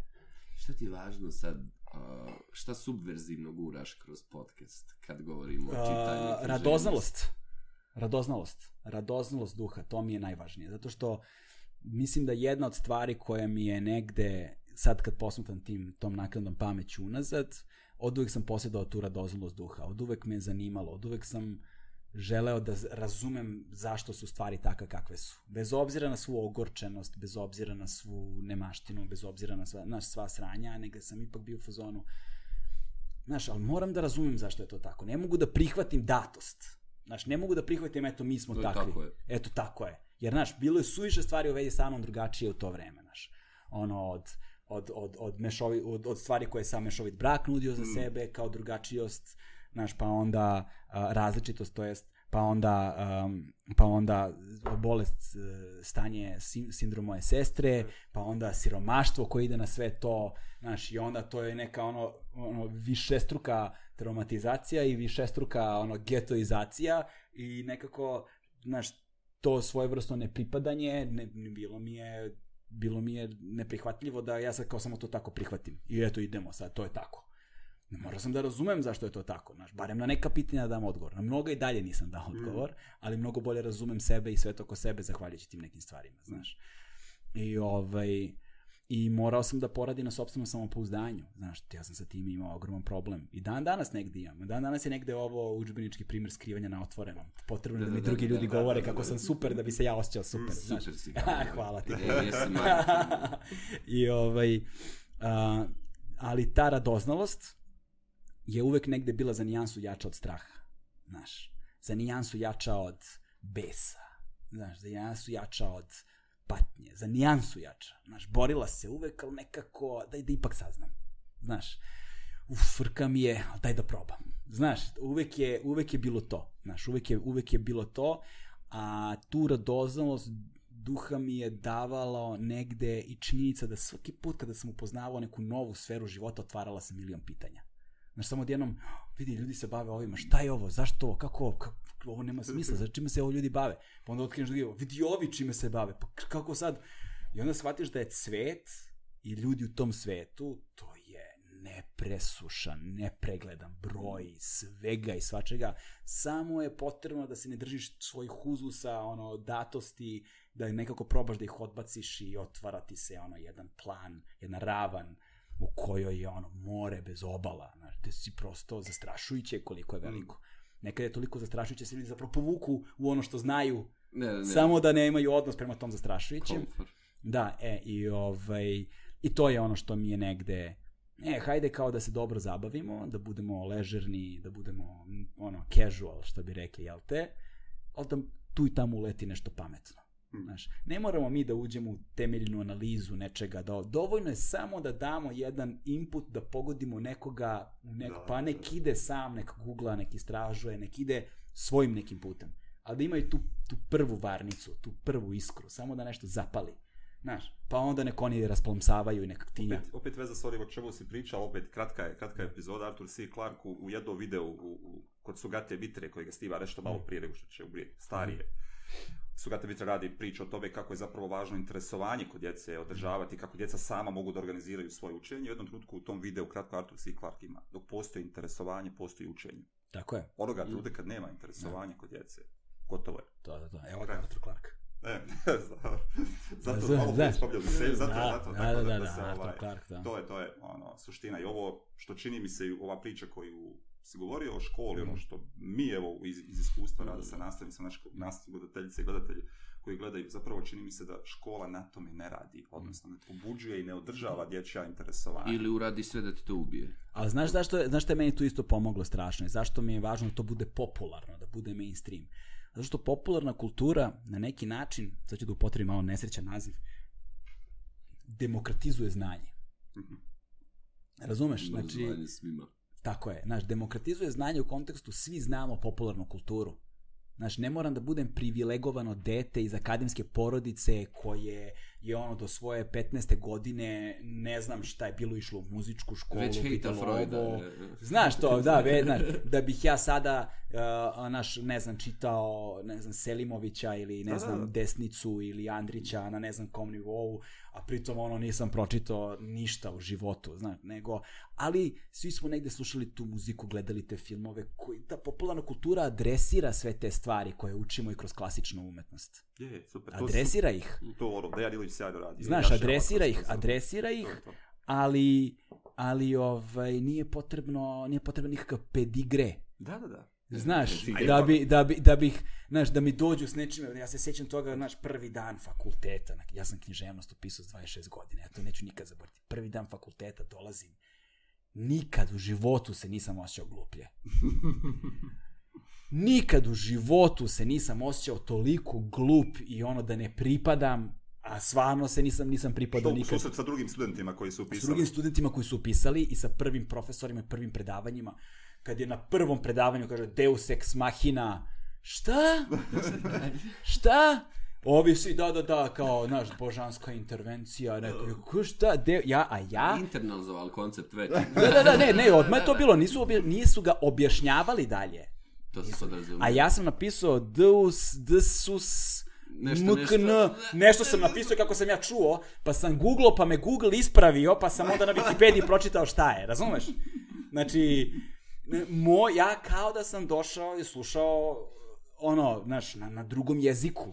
Kao da sam je prebacio na pol planet drugu, slušao na drugom jeziku. Ja sam toliko umoran bio, nakon svakog predavanja, sam ja bio umoran da sam ja mogu da legem da spavam i da više ne slušam nijedno predavanje. Nakon svakog. Ja sam došao na prvi ispitni rok i prijavio, to je bila antička lirika, čini mi se, jedan predmet sam prijavio. Ovi prijavio, ja ću prijavim osam predmeta. To znaš. ja ću da završim ovom semestru. Znaš, kao, znaš, ja sam prijavio jedan koji sam spremao, ono, tri meseca. Sve. I došao sam na ispit, to neću nikad zaboraviti, i dolazi profesorka i kao ispisuje pitanja na tabli, ispitna pitanja ispisuje na latinskom.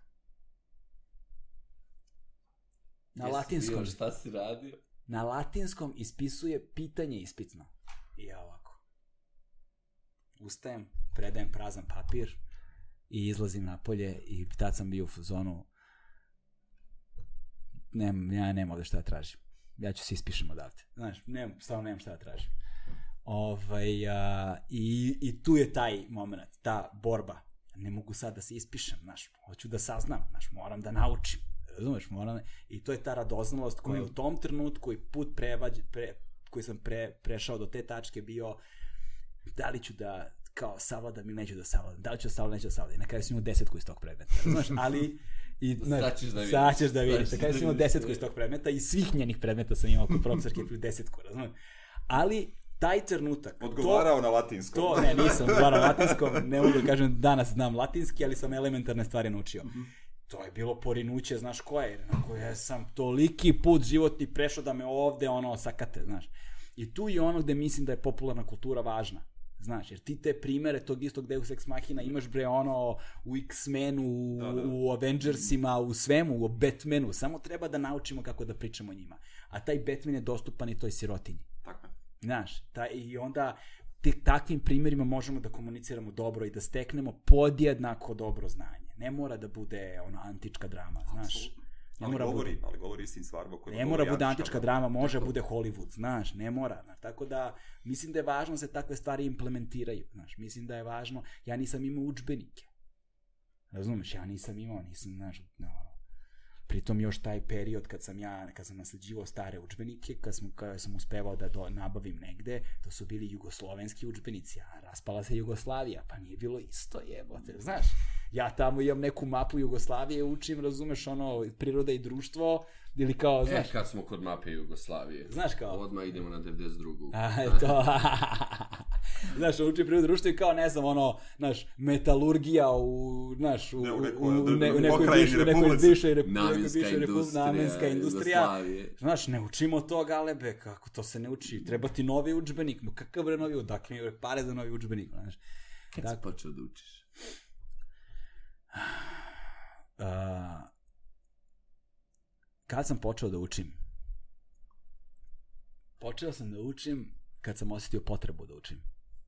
Kad sam osetio potrebu da savladam a, probleme sa kojima sam se suočavao, ali ih nisam razumeo. I shvatio sam da ukoliko nešto konkretno ne uradim, neću dobro proći u životu. I to mi se desilo oko 24. 5. godine života. Tad, tad sam počeo da učim. Do tad nisam ništa, do tad mi kažeš nešto, a kažeš mi, ne znam, palatalizacija, ja te gađam kamenom jer mi vređaš porodicu. Znaš, znači, ono, ovaj, a, ali oko 24. 5. godine sam počeo da osjećam potrebu da popunjavam nekakve rupe za koje sam osjećao da su ogromne. Znači, osjećao sam da se nalazim na jednoj tački gde ne razumem svet, gde svet ne razume mene, gde ono, a, mi se dešavaju, znaš, život utiče na tebe. stvari ti se dešavaju i ispunjavaju tvoj emotivni svet ovakav ili onakav i ti i, i, i ti sijavaš to negde, znaš, ono, i kakav si čovek ujutru i kakav si čovek uveče, kakav će čovek biti u toku dana, znaš. Ovaj, I to nezadovoljstvo neko koje se gomilalo i taj neki em, naš emotivni svet koji nisam razumeo, mm. a, sve te neke stvari koje su iz mene izbijale na strašno negativan način i uništavale i mene i odnose sa drugim ljudima oko sebe i tako dalje, ja ih nisam razumeo uopšte, znaš. I onda mi je bilo potrebno da počnem nekako da ih razumem, da ne se nekako uhvatim u koštac sa njima. Ovaj, I tada sam počeo da se vraćam tim nekim stvarima koje znam da su bile ok nekada u prošlosti, ta nastavnica koja mi je davala te neke knjige, znaš, ta neka muzika, taj neki film, pa sam onda počeo malo više da kroz te stvari uh, uh, da, da, da, pro, da pročitam sad nešto o nekom filmu, na primjer, ili tako nešto, znam, ovaj, ali tu su mi pomogli romani Artura Clarka, Filipa K. Dicka, na primjer, njega. Znaš, on ima uvek te melodramatične likove koji ne znaju šta im se dešava. Znaš, i prolaze neki pakao, ne znaju šta je stvarno, šta nije, baš ko što ja nisam znao u tom periodu. I tad sam prvi put zateko sebe da, ono, zaspim čitajući da se probudim ujutro da mi je prva misa u glavi gde sam stao, gde da, sam da, da. stao, da. znaš, e, to, to me, tad, to je krenuo. SF. Da, SF, sad, to je krenuo sa 24-25 godina i ono je pro meni probudilo ponovo ono zapalilo tu vatru koja je negde bila recimo u tim tinejdžerskim godinama, a između je bio je ono, veliki period ono, izlazaka i blackouta, ali ovaj, tada je krenulo, tada je krenulo to interesovanje i od, šta je onda bilo? Onda sam opet morao se borim sa velikim osjećanjem sramote. Mm -hmm.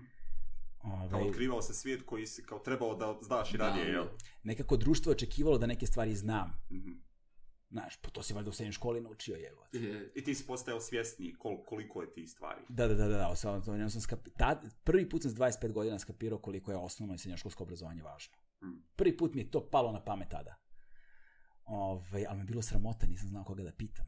Hmm. Znaš, nisam znao koga da pitam. I neću zaboraviti tu priču nikad.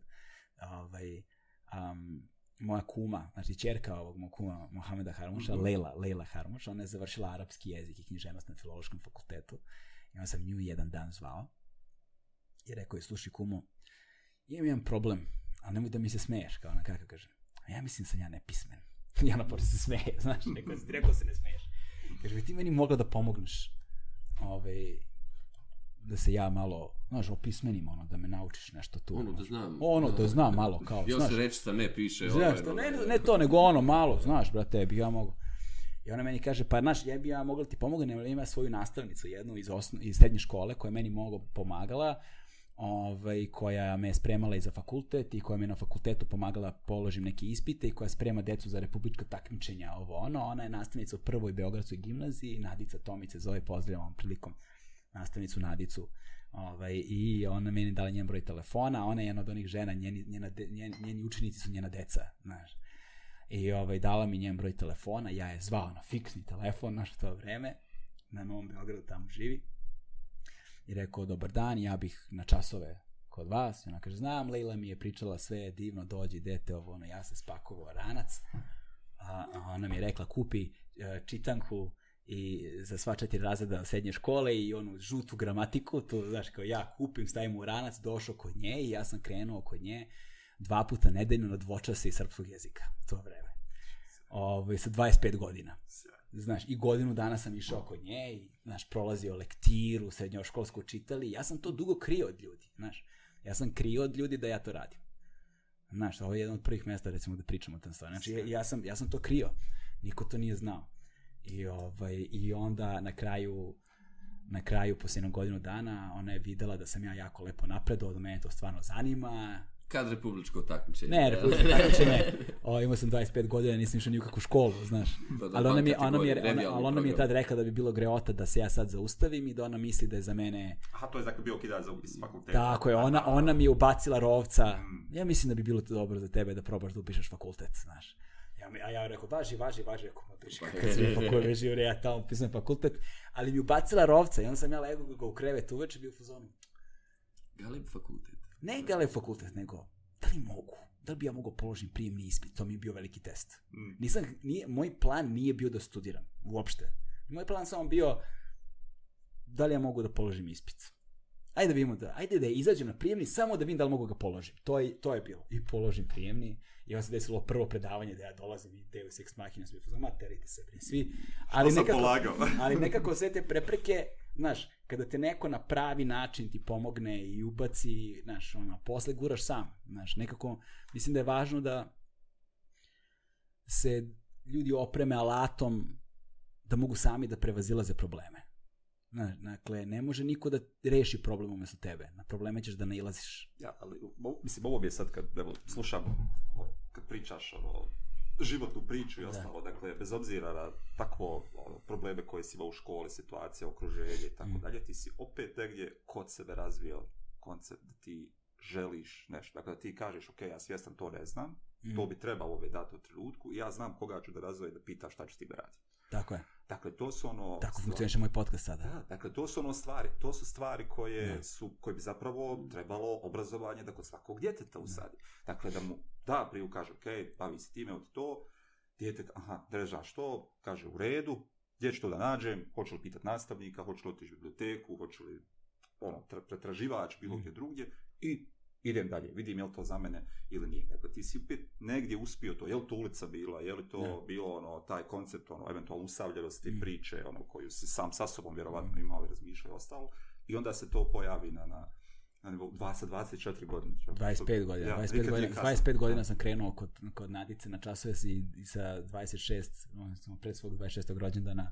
I, o- i drugi Pošto mi nivo na jesen rođendana na leto Ja. je prijemni ispit, pa sam to leto preko polagao. ovaj, i, ovdje, I ovdje je ono što je isto važno iz ovih priča, dakle da su postojali, bez obzira na čitav taj sistem, pojedinci, ljudi koji su razumjeli da Mm. trebaju da pomognu nekome, dakle da nauči neke stvari. Da. Dakle, nekoliko si imena ti spomenuo, ono, Mm. koji su bili su bili za... oblikovali. Da, da, da, da. da. Koji su ono, evo, šta, prepoznavali, Jest. znaš, prepoznavali i čuvali su te negde od tih, na primjer, tako je, dok sam trenirao atletiku, moj trener, tadašnji Dragan Munjes, koji je bio, znaš, on je malo stariji od nas, dakle, nije, bio je ono mladi trener u to vreme, pa je onda smo govorili tim jezikom mladih, znaš, nije bio, ovaj, i on je razumeo, znaš, gomilu stvari, gomilu stvari, i onda se odnosio prema meni, ja danas prepoznajem šta je on radio, meni tada bio on samo trener, Mm. znaš, ali sam ja sada prepoznajem brojne metode koje su tu bile Pedagogiju peda- koje su bile van treninga bilo kakvog, brate. Nije to nikakve veze imalo s time kakve rezultate radiš i treninge, nego to kako smo se mi družili, kako smo pričali o stvarima, naš, ono, od devojaka, zaljubljenosti do ne znam čega, naš, vezivali smo se i onda odemo na nekakve zajedne takmiče, pa mi je ono odlazak na takmičenje mi je bio strava, zato što onda ja odem dva, tri dana negde, spa, Iz znaš, svega i izađeš. svega, je- ja sam tri dana, jutra do mraka sam tu, znaš.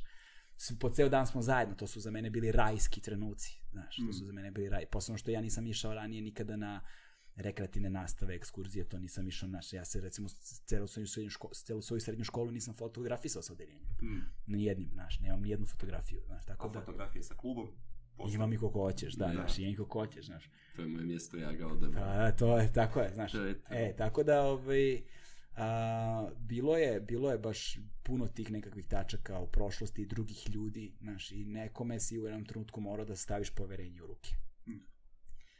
Znaš, Nastavni, je, I našim nastavnicima je, sta- to, je, to je tema koja nam se propliče zadnjih deseta godina kad razgovaramo. To je jedna osoba da vjeruješ u dijete. I bez odnosa tog sa djetetom nema ni učenja, nema ni Da, da, da. poučavanja, nema...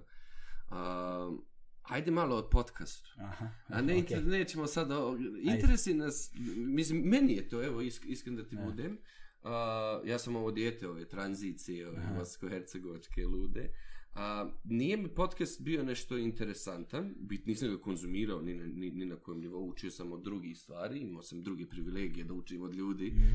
a, a onda smo otkrili podcast i to je, to je sjajan obrazovni alat. Jel misliš da može biti dio škole na taj način? Um, na jedan vrlo specifičan način da, na drugi ne. Uh, podcastu su informacije brze i ne ostaju. Znači neke stvari, znači podcast je dobar da te zainteresuje. Mm. Za to je odličan. Da te zainteresuje ili možda u nekakvom dijalogu neke stvari koje si, ste već znali da ih razje, koje nisu ni bile jasne da ih razjasni. Neko, a, skapirao sam. Ali kad treba recimo šest mjeseci kasnije da ponovite što ste čuli, ha, ne lezimo na problem. Postoji velika razlika između od tog aha efekta, ja sam to razumio, ja to znam, a onda nedelju dana kasnije te neko pita da objasniš, pa shvatiš da su te kauzalne veze ipak izvetrile negde. Tako da mi, zaista mislim da je za pravo temeljno znanje stvari da kažeš ja vladam ovom materijom, neophodno da se investira trud. Mora da se investira Prazna trud. glava ne mislim. Ne, na, tako je. Mora se investira trud, a, podcast je ono easy way out, znaš, dođu pametni ljudi pa ti objasne sve, pa ko vidi što sam ja to sad nešto sve lepo saznao, znaš. Ali to onda slušaš drugi podcast, pa treći, pa peti, pa sedamnesti, pa to, znaš, vidiš, šta je ber, ja ne, znam, pričali su, razumeo sam, bilo je super, ali Ko, to, ne, to ovako nešto funkcioniše, ali ne mogu baš da se. Nešto, nešto, tako. Tako da, zna, znaš, konkretno znanje ipak zahteva jednu vrstu temeljnosti, jednu vrstu ponavljanja i bavljenja, bavljenja određenim stvarima da bi to znanje zaista bilo te, učvršćeno i da, kaže, da možeš sa nekim samopoznanjem da kažeš da znaš stvari. Ovaj, ali, je za, ali je sjajan dakle, za, za kao obrazovni alat da bude mesto gde ćeš ti da učiš, a, teško, ali da bude mesto koje će te zainteresovati za brojne stvari ili ti pojasniti neke nedoumice i razrešiti ih, za to je sjajan. Za to je sjajan. I zato je ta vrsta ovako, naš kao ležernosti i, i, i, i neformalnosti u razgovoru dobra kod podcasta, zato što onda a, a, eliminiše te, taj gard posebno koji mladi imaju kada dođeš ono nastavnik ispred table kao autoritet koji ti priča, ali kada se taj autoritet raspištolji i sve ok, ali ti kaže nešto pametno dok se zezamo, Mm. e, onda je to druga stvar, on to ostane, znaš. To ostane, znači jer se izbriše ta granica a, ono, nastavnik, učenik, autoritet, Samo znaš, zbog e, ocena. funkcije koju neko predstavlja. Da, a moć. moć, moć, to je dinamika moći, znaš. Je, je. Podcast je eliminiše, znaš, nema, niko nije moćniji u ovom razgovoru, ravnopravno. Osim Imera, on nas može ukinuti. Imer je najmoćniji u ovom podcastu. Drži ali imaš slobodu, ali imaš slobodu da to izgovoriš Je. i onda je stvar sasvim drugačija. Um, imamo još, je, još jednu nama važnu oblast, tata si. Mhm. Kako, ovaj, kako se nosiš prvo kao tata? Savršeno. Znaš, prvi put pripadam. Ono, znaš, sada je to. Imam pleme, imam trajno. I to, imam Je. sve, znaš, znači ja, do sad je bilo lutanje, sada počinje život. Znaš, tako je, uh, sve te neke stvari koje su mi nedostajale, sada prvi put se nalazim u prilici, prvi put sam u, u, u mogućnosti da, znaš, kao, e, sad mogu da počnem da živim onako kako sam od uvek želeo da živim. Mhm. Ovaj, i postoji taj snažan osjećaj odgovornosti da tvoja porodica ne doživi ništa od svega onoga što si ti doživeo. Znaš, to je to i osjeća se taj snažno osjećanje tog generacijskog napretka. Znaš, ne moramo ponavljamo lekcije iz prošlosti, ono. Znaš, Ali tu uporno radimo. da to uporno radimo, da, uporno radimo, je. a, hajde da ono što smo mi proživeli i ono na čemu smo mi, naš, svoje ožiljke ovaj, i, naš, napravili, da iz toga što smo naučili to sad prenesemo u generaciju sledeću, da, nema te oni, da oni to znaju, ali da ne moraju. Ne ovaj preneseni PTSP. Na, ne to, pa, to, e, to je fora kod roditeljstva. Tu roditeljstvo ne prašta. To je ono, dete kad se pojavi, a, a automatski istog trenutka testira sve tvoje traume, sve tvoje slabosti, sve tvoje, svi tvoji strahovi, sve tvoje anksioznosti, sve to dolazi. Ako ti sam se ne uhvatiš u koštac sa time da ih rešiš, prenećeš ih. Svesno ili nesvesno. I onda dete između ostalog te tera da radiš na sebi, a ne samo na, na, na detetu, na porici, nego i na sebi, da, jer odjednom postaje vrlo pipljiv i vidljiv taj trenutak u kojem, wow, sad ovo ne smem da zajebem. E, Znaš, sad nema više ono, znaš, ko što smo se zajebavali ranije, razumeš, da li s prijateljima, da li o bivšim vezama, da li ovako, da li onako i bude svega i svad, ne, ne, ne, ne, ne, sada, boga mi, a da bi to mogao, ne možeš tek tako doneseš odluku, "E, sad ja neću. Mm. Nego, nego sad ti moraš da doneseš odluku da se aktivno baviš sobom da bi bio u mogućnosti da to ne uradiš. A ovaj, aktivno bavljanje sobom onda nažalost iziskuje i vreme za to i sredstva za to. Znaš, ne može to ono na prazan stomak ako nisi platio račun za struju, znaš. Moraš ipak da obezbediš minimum u o, E, Zabijeko zdravo tako je, okruženje. tako je. I baza ne, nadogradnje. tako je, ne, tako da ne možemo zaista i tragično je što živimo u društvima koja, znaš, ne mogu da obezbede ono osnovne egzistencijalne potrebe Veliko broj stanovnika. velikom broju stanovništva, znaš, velikom Jel te broju boli ova stanovništva. besmisao BH Srbija? Hoćeš ti? Može malo sipaj. A, boli, a, pa... Hrvatska, da ne zaboravim. Boli me zato što osjećam da se nismo pomerili. Znaš, kao da se borimo sa istim, ono, znaš, kao Don Kihotovski mi deluje nekako, znaš. I, kad, i Pa sve ne, vremena- mislim, ćemo je Don Quixote imao plemenitu ideju. Da, da, da, da, Mi znaš. ono ne znamo čak imamo li ono. Znaš, mi, znaš, nekako mi deluje kao da se borimo s veterinom, kao da na, s vremena na vreme se zapitam da li sam ja lud. Znaš, da li smo mi bre ovde budale, znaš, ono, da li je moguće da niko drugi ne vidi, znaš, da je, zar je moguće da tako mali broj ljudi vidi Matrix? Da, da, da. Znaš, kao, Ili sam ja u pogrešno? ili, sam, ili ja nešto pogrešno kapiram, ili izuzetno mali broj ljudi vidi Matrix, ono, znaš, kao, znaš, neverovatno mi je u situaciji u kojima sedimo i razgovaramo s nekim ljudima na nekim mestima da ti shvataš da to, da je to nepremostiva barijera, da tu dijalog ne postoji. Ne postoji mogućnost dijaloga. Kao izgovoriš, ali kao da ne čuju to, kao da to ne odjekuje, ne rezonuje ni na koji način. Znaš, da, Udaram u znaš, i da, i da, postojanja. Na, i da je i da i da se svaki pokušaj, ali to opet negde mogu da razumem iz sopstvenog života. Ja sam bio takav. Znaš, ja sam bio takav i kad neko problem što mi kaže, ja to doživljavam kao napad na moj integritet.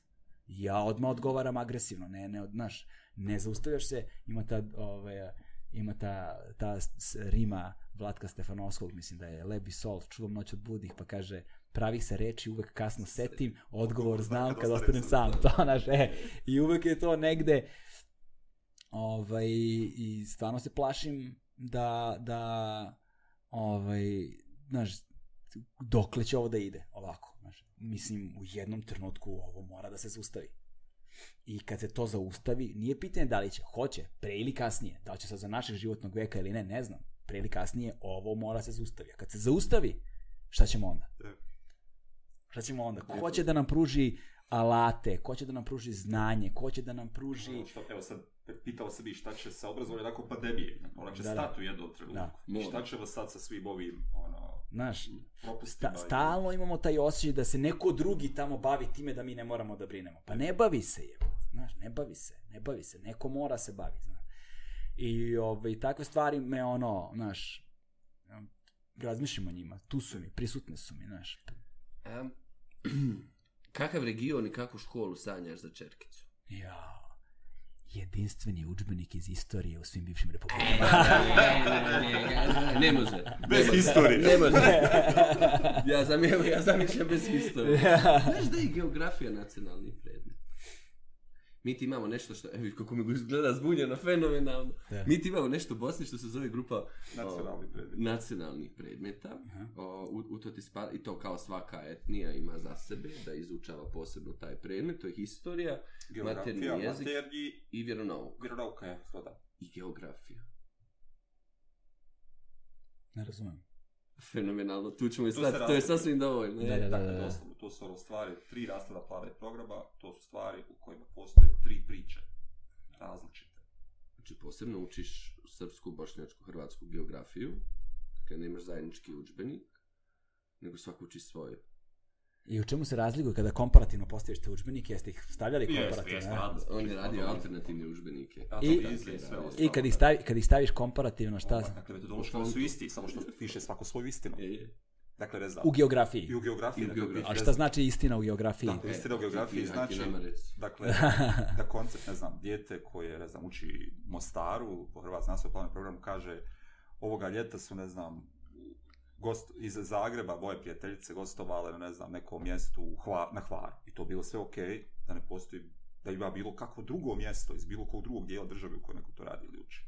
Dakle, ne spominje se dio. U najboljem slučaju, eventualno Bostar, Široki brijeg ili nešto, dakle ne spominju se stvari. Slična stvar je i sa, sa udžbenicima koji su u Republici Srpskoj, pri čemu su to najčešće udžbenici koji su ili iz Hrvatske ili iz Srbije prebačeni ovdje sa nekim mini izmjenama koje tu Mm. stoji i onda zapravo djeca uče tri verzije, vizije. To su djeca koja imaju. Mislim, bila je sjajna priča da je to radila Slobodna Europa sa ovim, a, s ovim dječaka u, u Mostaru, koji se bojao preći iz zapadnog Mostara u istočni Mostar, misleći da će ga svi zna da je on iz zapadnog Mostara. Na čelu mu piše. Priče, I onog trenutka kada se on suočio s tim, kad su ga odveli na stari most, nakon 14, 15, 16 godina, on se potpuno promijenio. On je shvatio da taj njegov život koji je živio prije bio potpuno bezrazložen i bezmislen. Šta ti prvo pada na pamet kad ti mi ovo pričam? Pa neke stvari iz sopstvenog ono, mm. iz sopstvenog, sopstvenog odrastanja, znaš, to je ja sam imao te, ja sam imao te momente, znaš. Geografija i meni tu pomogla. ovaj, kod nas je to vreme bilo, znaš, kraj iz kojeg si i to je to, znaš. Ovaj, ja sam, ne znam, Brankov most prvi put prešao, znaš, to, na Novi Beograd, sa, ne znam, ono, 17 godina. Znaš, nisam prešao nikad. Nisi išao, da. ovaj, um, ali taj koncept uh, razotkrivanja dosadašnjeg u svetlu nečeg novog, što ti daje kao još jedan deo slagalice u jednoj široj slici. I onda nekako, kada upoznaš nešto drugo, novo, što je još jedan deo slagalice, pod brojem 1, ono ti potvrdi da postoji šira slika. Mm. Sama činjenica da to nešto je već potvrda da postoji šira slika od tvoje, širi plan od tvojeg i to je već zastrašujuća misao dovoljno, bez obzira što možda nisi još uvijek nisi ni upoznao. Znaš. -hmm. Druga stvar je što to nešto postaje gledalo tebe samog. Ono tebi sad osvetljava sobstvenu stvarnost iz jednog novog ugla. I onda sve te neke obične stvari koje su bile date zdravo za gotovo, a, počinješ da misliš o njima na jedan drugačiji način. I odjednom ih dovodiš u pitanje. A čim ih dovodiš u pitanje, to je početak njihovog dekomponovanja. To je početak njihovog raspadanja. Samo je, Sve, samo je znači, sekunde kada si ti to doveo u pitanje, više nije pitanje da li će se taj sistem srušiti. Samo pitanje kada Kad će, će se srušiti. Pa, da, će se srušiti. Znaš. I ovaj i to su to je to je i onda taj mehanizam je nešto što je meni vrlo poznato iz, i to je negde matrica po kojoj se ja ponašam. Ja konstantno, ja svako malo dekomponujem sve što sam znači, znao i otkrivam nešto novo. Optimistično. Pa jeste optimistično na nivou pojedinca. Znaš, kako to preneti na nivo, na nivo zajednice. Jer nekako uh, ima taj kao neka matematika, da li je kombinatorika, verovatnoća, ali tako nešto, to sam slušao negde, eto vi što je taj podcast. Poslušao sam podcast da su mi objasnili. Nešto, nešto kažu, e. E, nešto, nešto kažu, sad ja mogu ti kažem šta je poenta toga, ali ne mogu ti kažem ni na čemu se tačno radi. Ne? Ovaj, kažu, imaš, ne znam, 100.000 ljudi na nekom trgu koji protestuju, znaš, i kaže, možemo da predvidimo ponašanje mase, ne možemo predvidimo ponašanje svakog pojedinača pojedinca. Razumeš? Znači, postoji verovatnoća i verovatnost i predvidljivost projekcija u velikim grupama, ali ne postoji projekcija unutar svakog pojedinca u toj grupi. Znaš, e to je ono gde se sad razlikuju stvari. Znaš, la, narativ se na nivou populacije kontroliše, na nivou pojedinca ne može. Mi možemo da promenimo u ovim konkretnim slučajima koje govorimo o živote pojedinaca. Kako da promeniš život cele jedne generacije. Znaš, kako da taj isti mehanizam se desi u svakome od nas. Ne reče nam kakvu školu sanjaš za svoju čerkicu. Sanjam uh, školu koja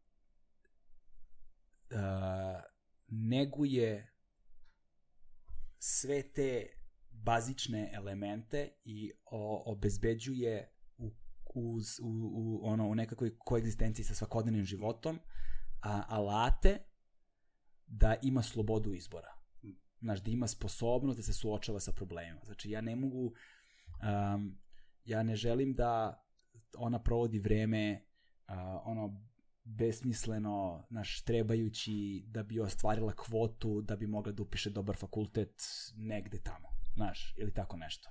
Da, da bi mogla da radi ovaj posao mora da se desi ovo, da bi se desilo ovo mora sad da ide na časove klavira, na časove engleskog, na časove matematike, na dok, znači da ono, znači da se, vr, da, se, da se sipa lopatom ono, ta vrsta tereta, znaš, i da konstantno živiš u strahu, ovaj, da se ne, da negde ne skrene pogrešno, da to negde, negde taj ventil ne izbije na ovu ili na ovu stranu i da, si, da je konstantna represija i pritisak i breme ono, da li će to moći da se desi i da razmišljam kad počne dete u školu što će se desi u školi za početak, znaš, od toga da počnemo.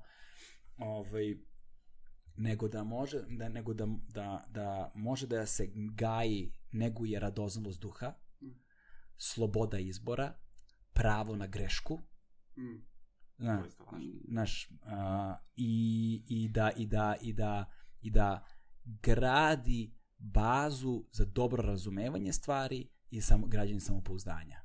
Ono, mislim da su to, jer stvari koje sam ja recimo primetio kasnije putujući i radeći za veliki broj jakih zapadnih firmi, znaš, gde sam radio sa Englezima, sa Amerikancima, sa Francuzima, sa, znaš, ono, zemlje krupnog kapitala, nazove ih tako, nismo ravnopravni.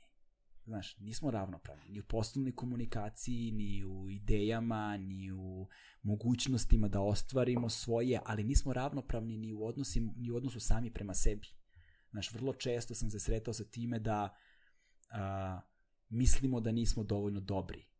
Znaš, da moramo konstantno da dokazujemo da jesmo. Znaš, da je tamo negde trava zelenija.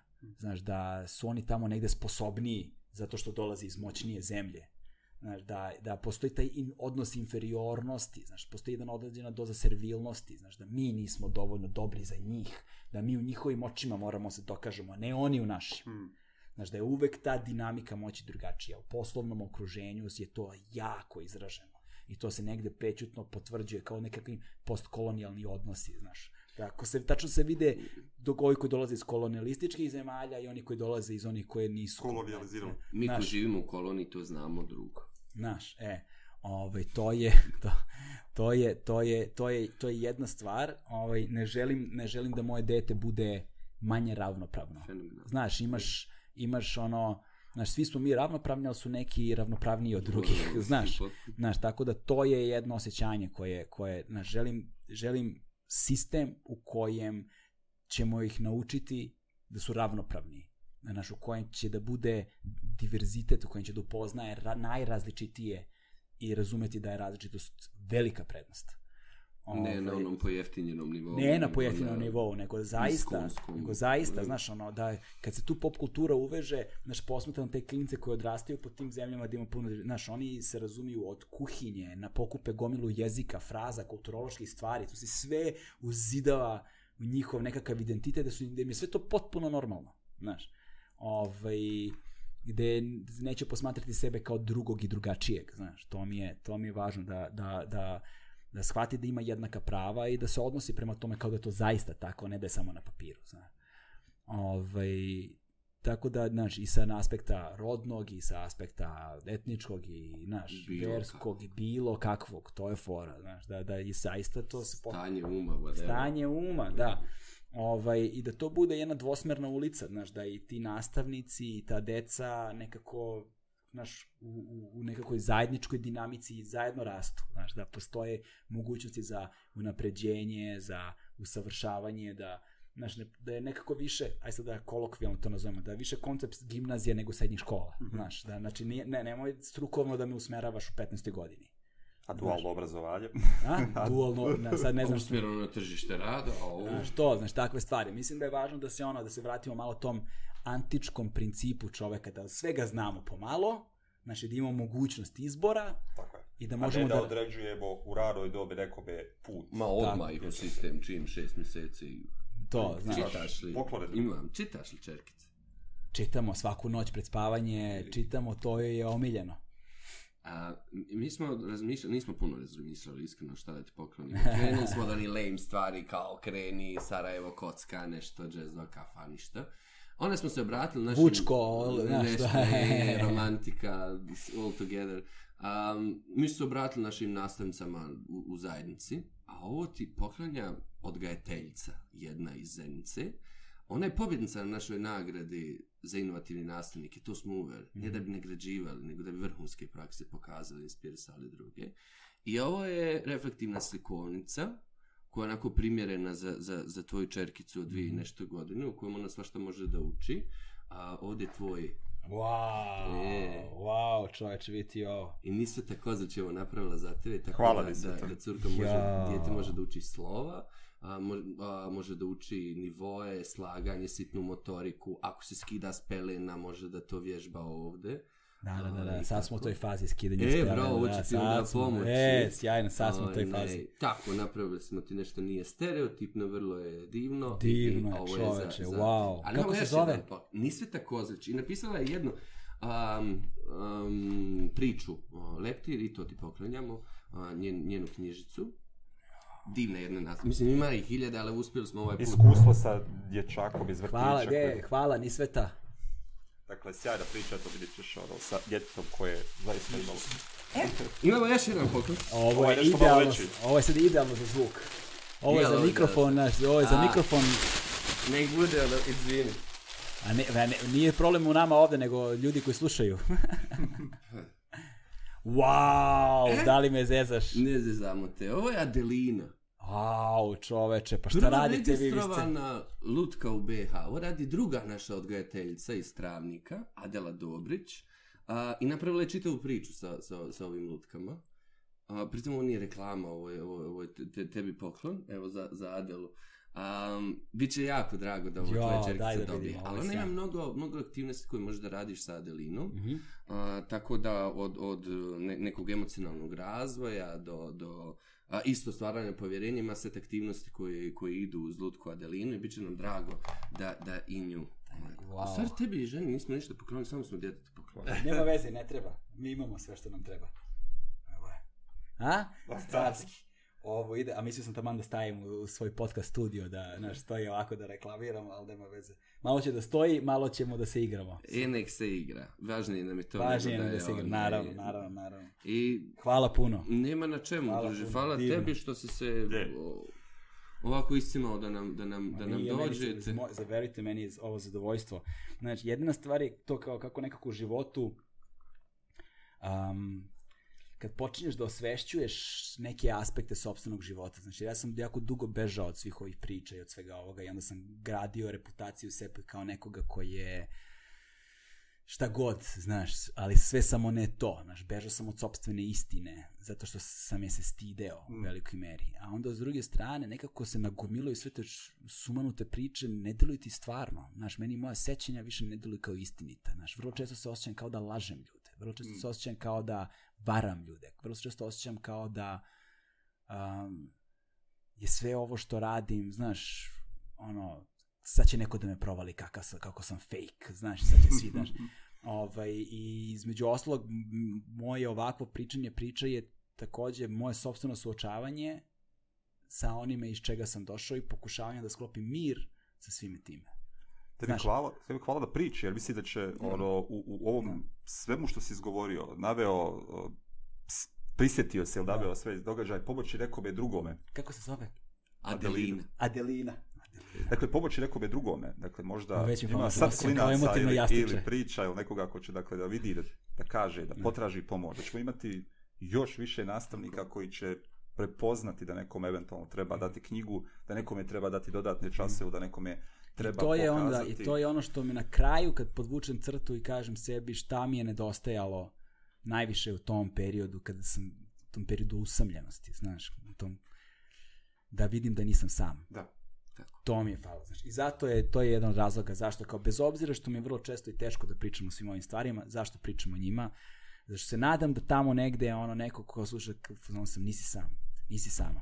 Znaš, ima nas ono, Baš- ima nas i koji smo preživeli, znaš, Ba, kao, e, i, ne, nije nam, i, nije nam, da, da, i da. nije nam loše u životu, znaš. Hvala ti. Nije Hvala baš vama. hvala. Kolega Namir Ibrahimović, hvala ti što si radio, druže, za, za ovaj prvi maj. A ovo, I hvala, hvala ekipi, hvala Imeru, ko, koji je, opet, svi, svi su radili da te dočekamo, hvala tebi na izdvojenom vremenu. Vama, Hvala tebi. Hvala meni, mislim, hvala supruzi što je ovaj, sve Ej. ovo organizovala. Hvala Dejanu Iliću, bez kojeg uh, Ej. drugar Galeb, u stvari nismo te ni predstavili, čoveč. Kakvi smo amateri, kakvi smo amateri. E, potpisat ćete u montaži. Hoćemo, ovaj, Galeb Nikačević, hvala što si bio u najneslušanijem podcastu u BH. Sa najslušanijem, najgledanijem podcastom. Da, da, da, ovo je baš super, ono, kao dvije, dvije krajnosti, potpuno, carski. Zadovoljstvo je moje, bit će ovo.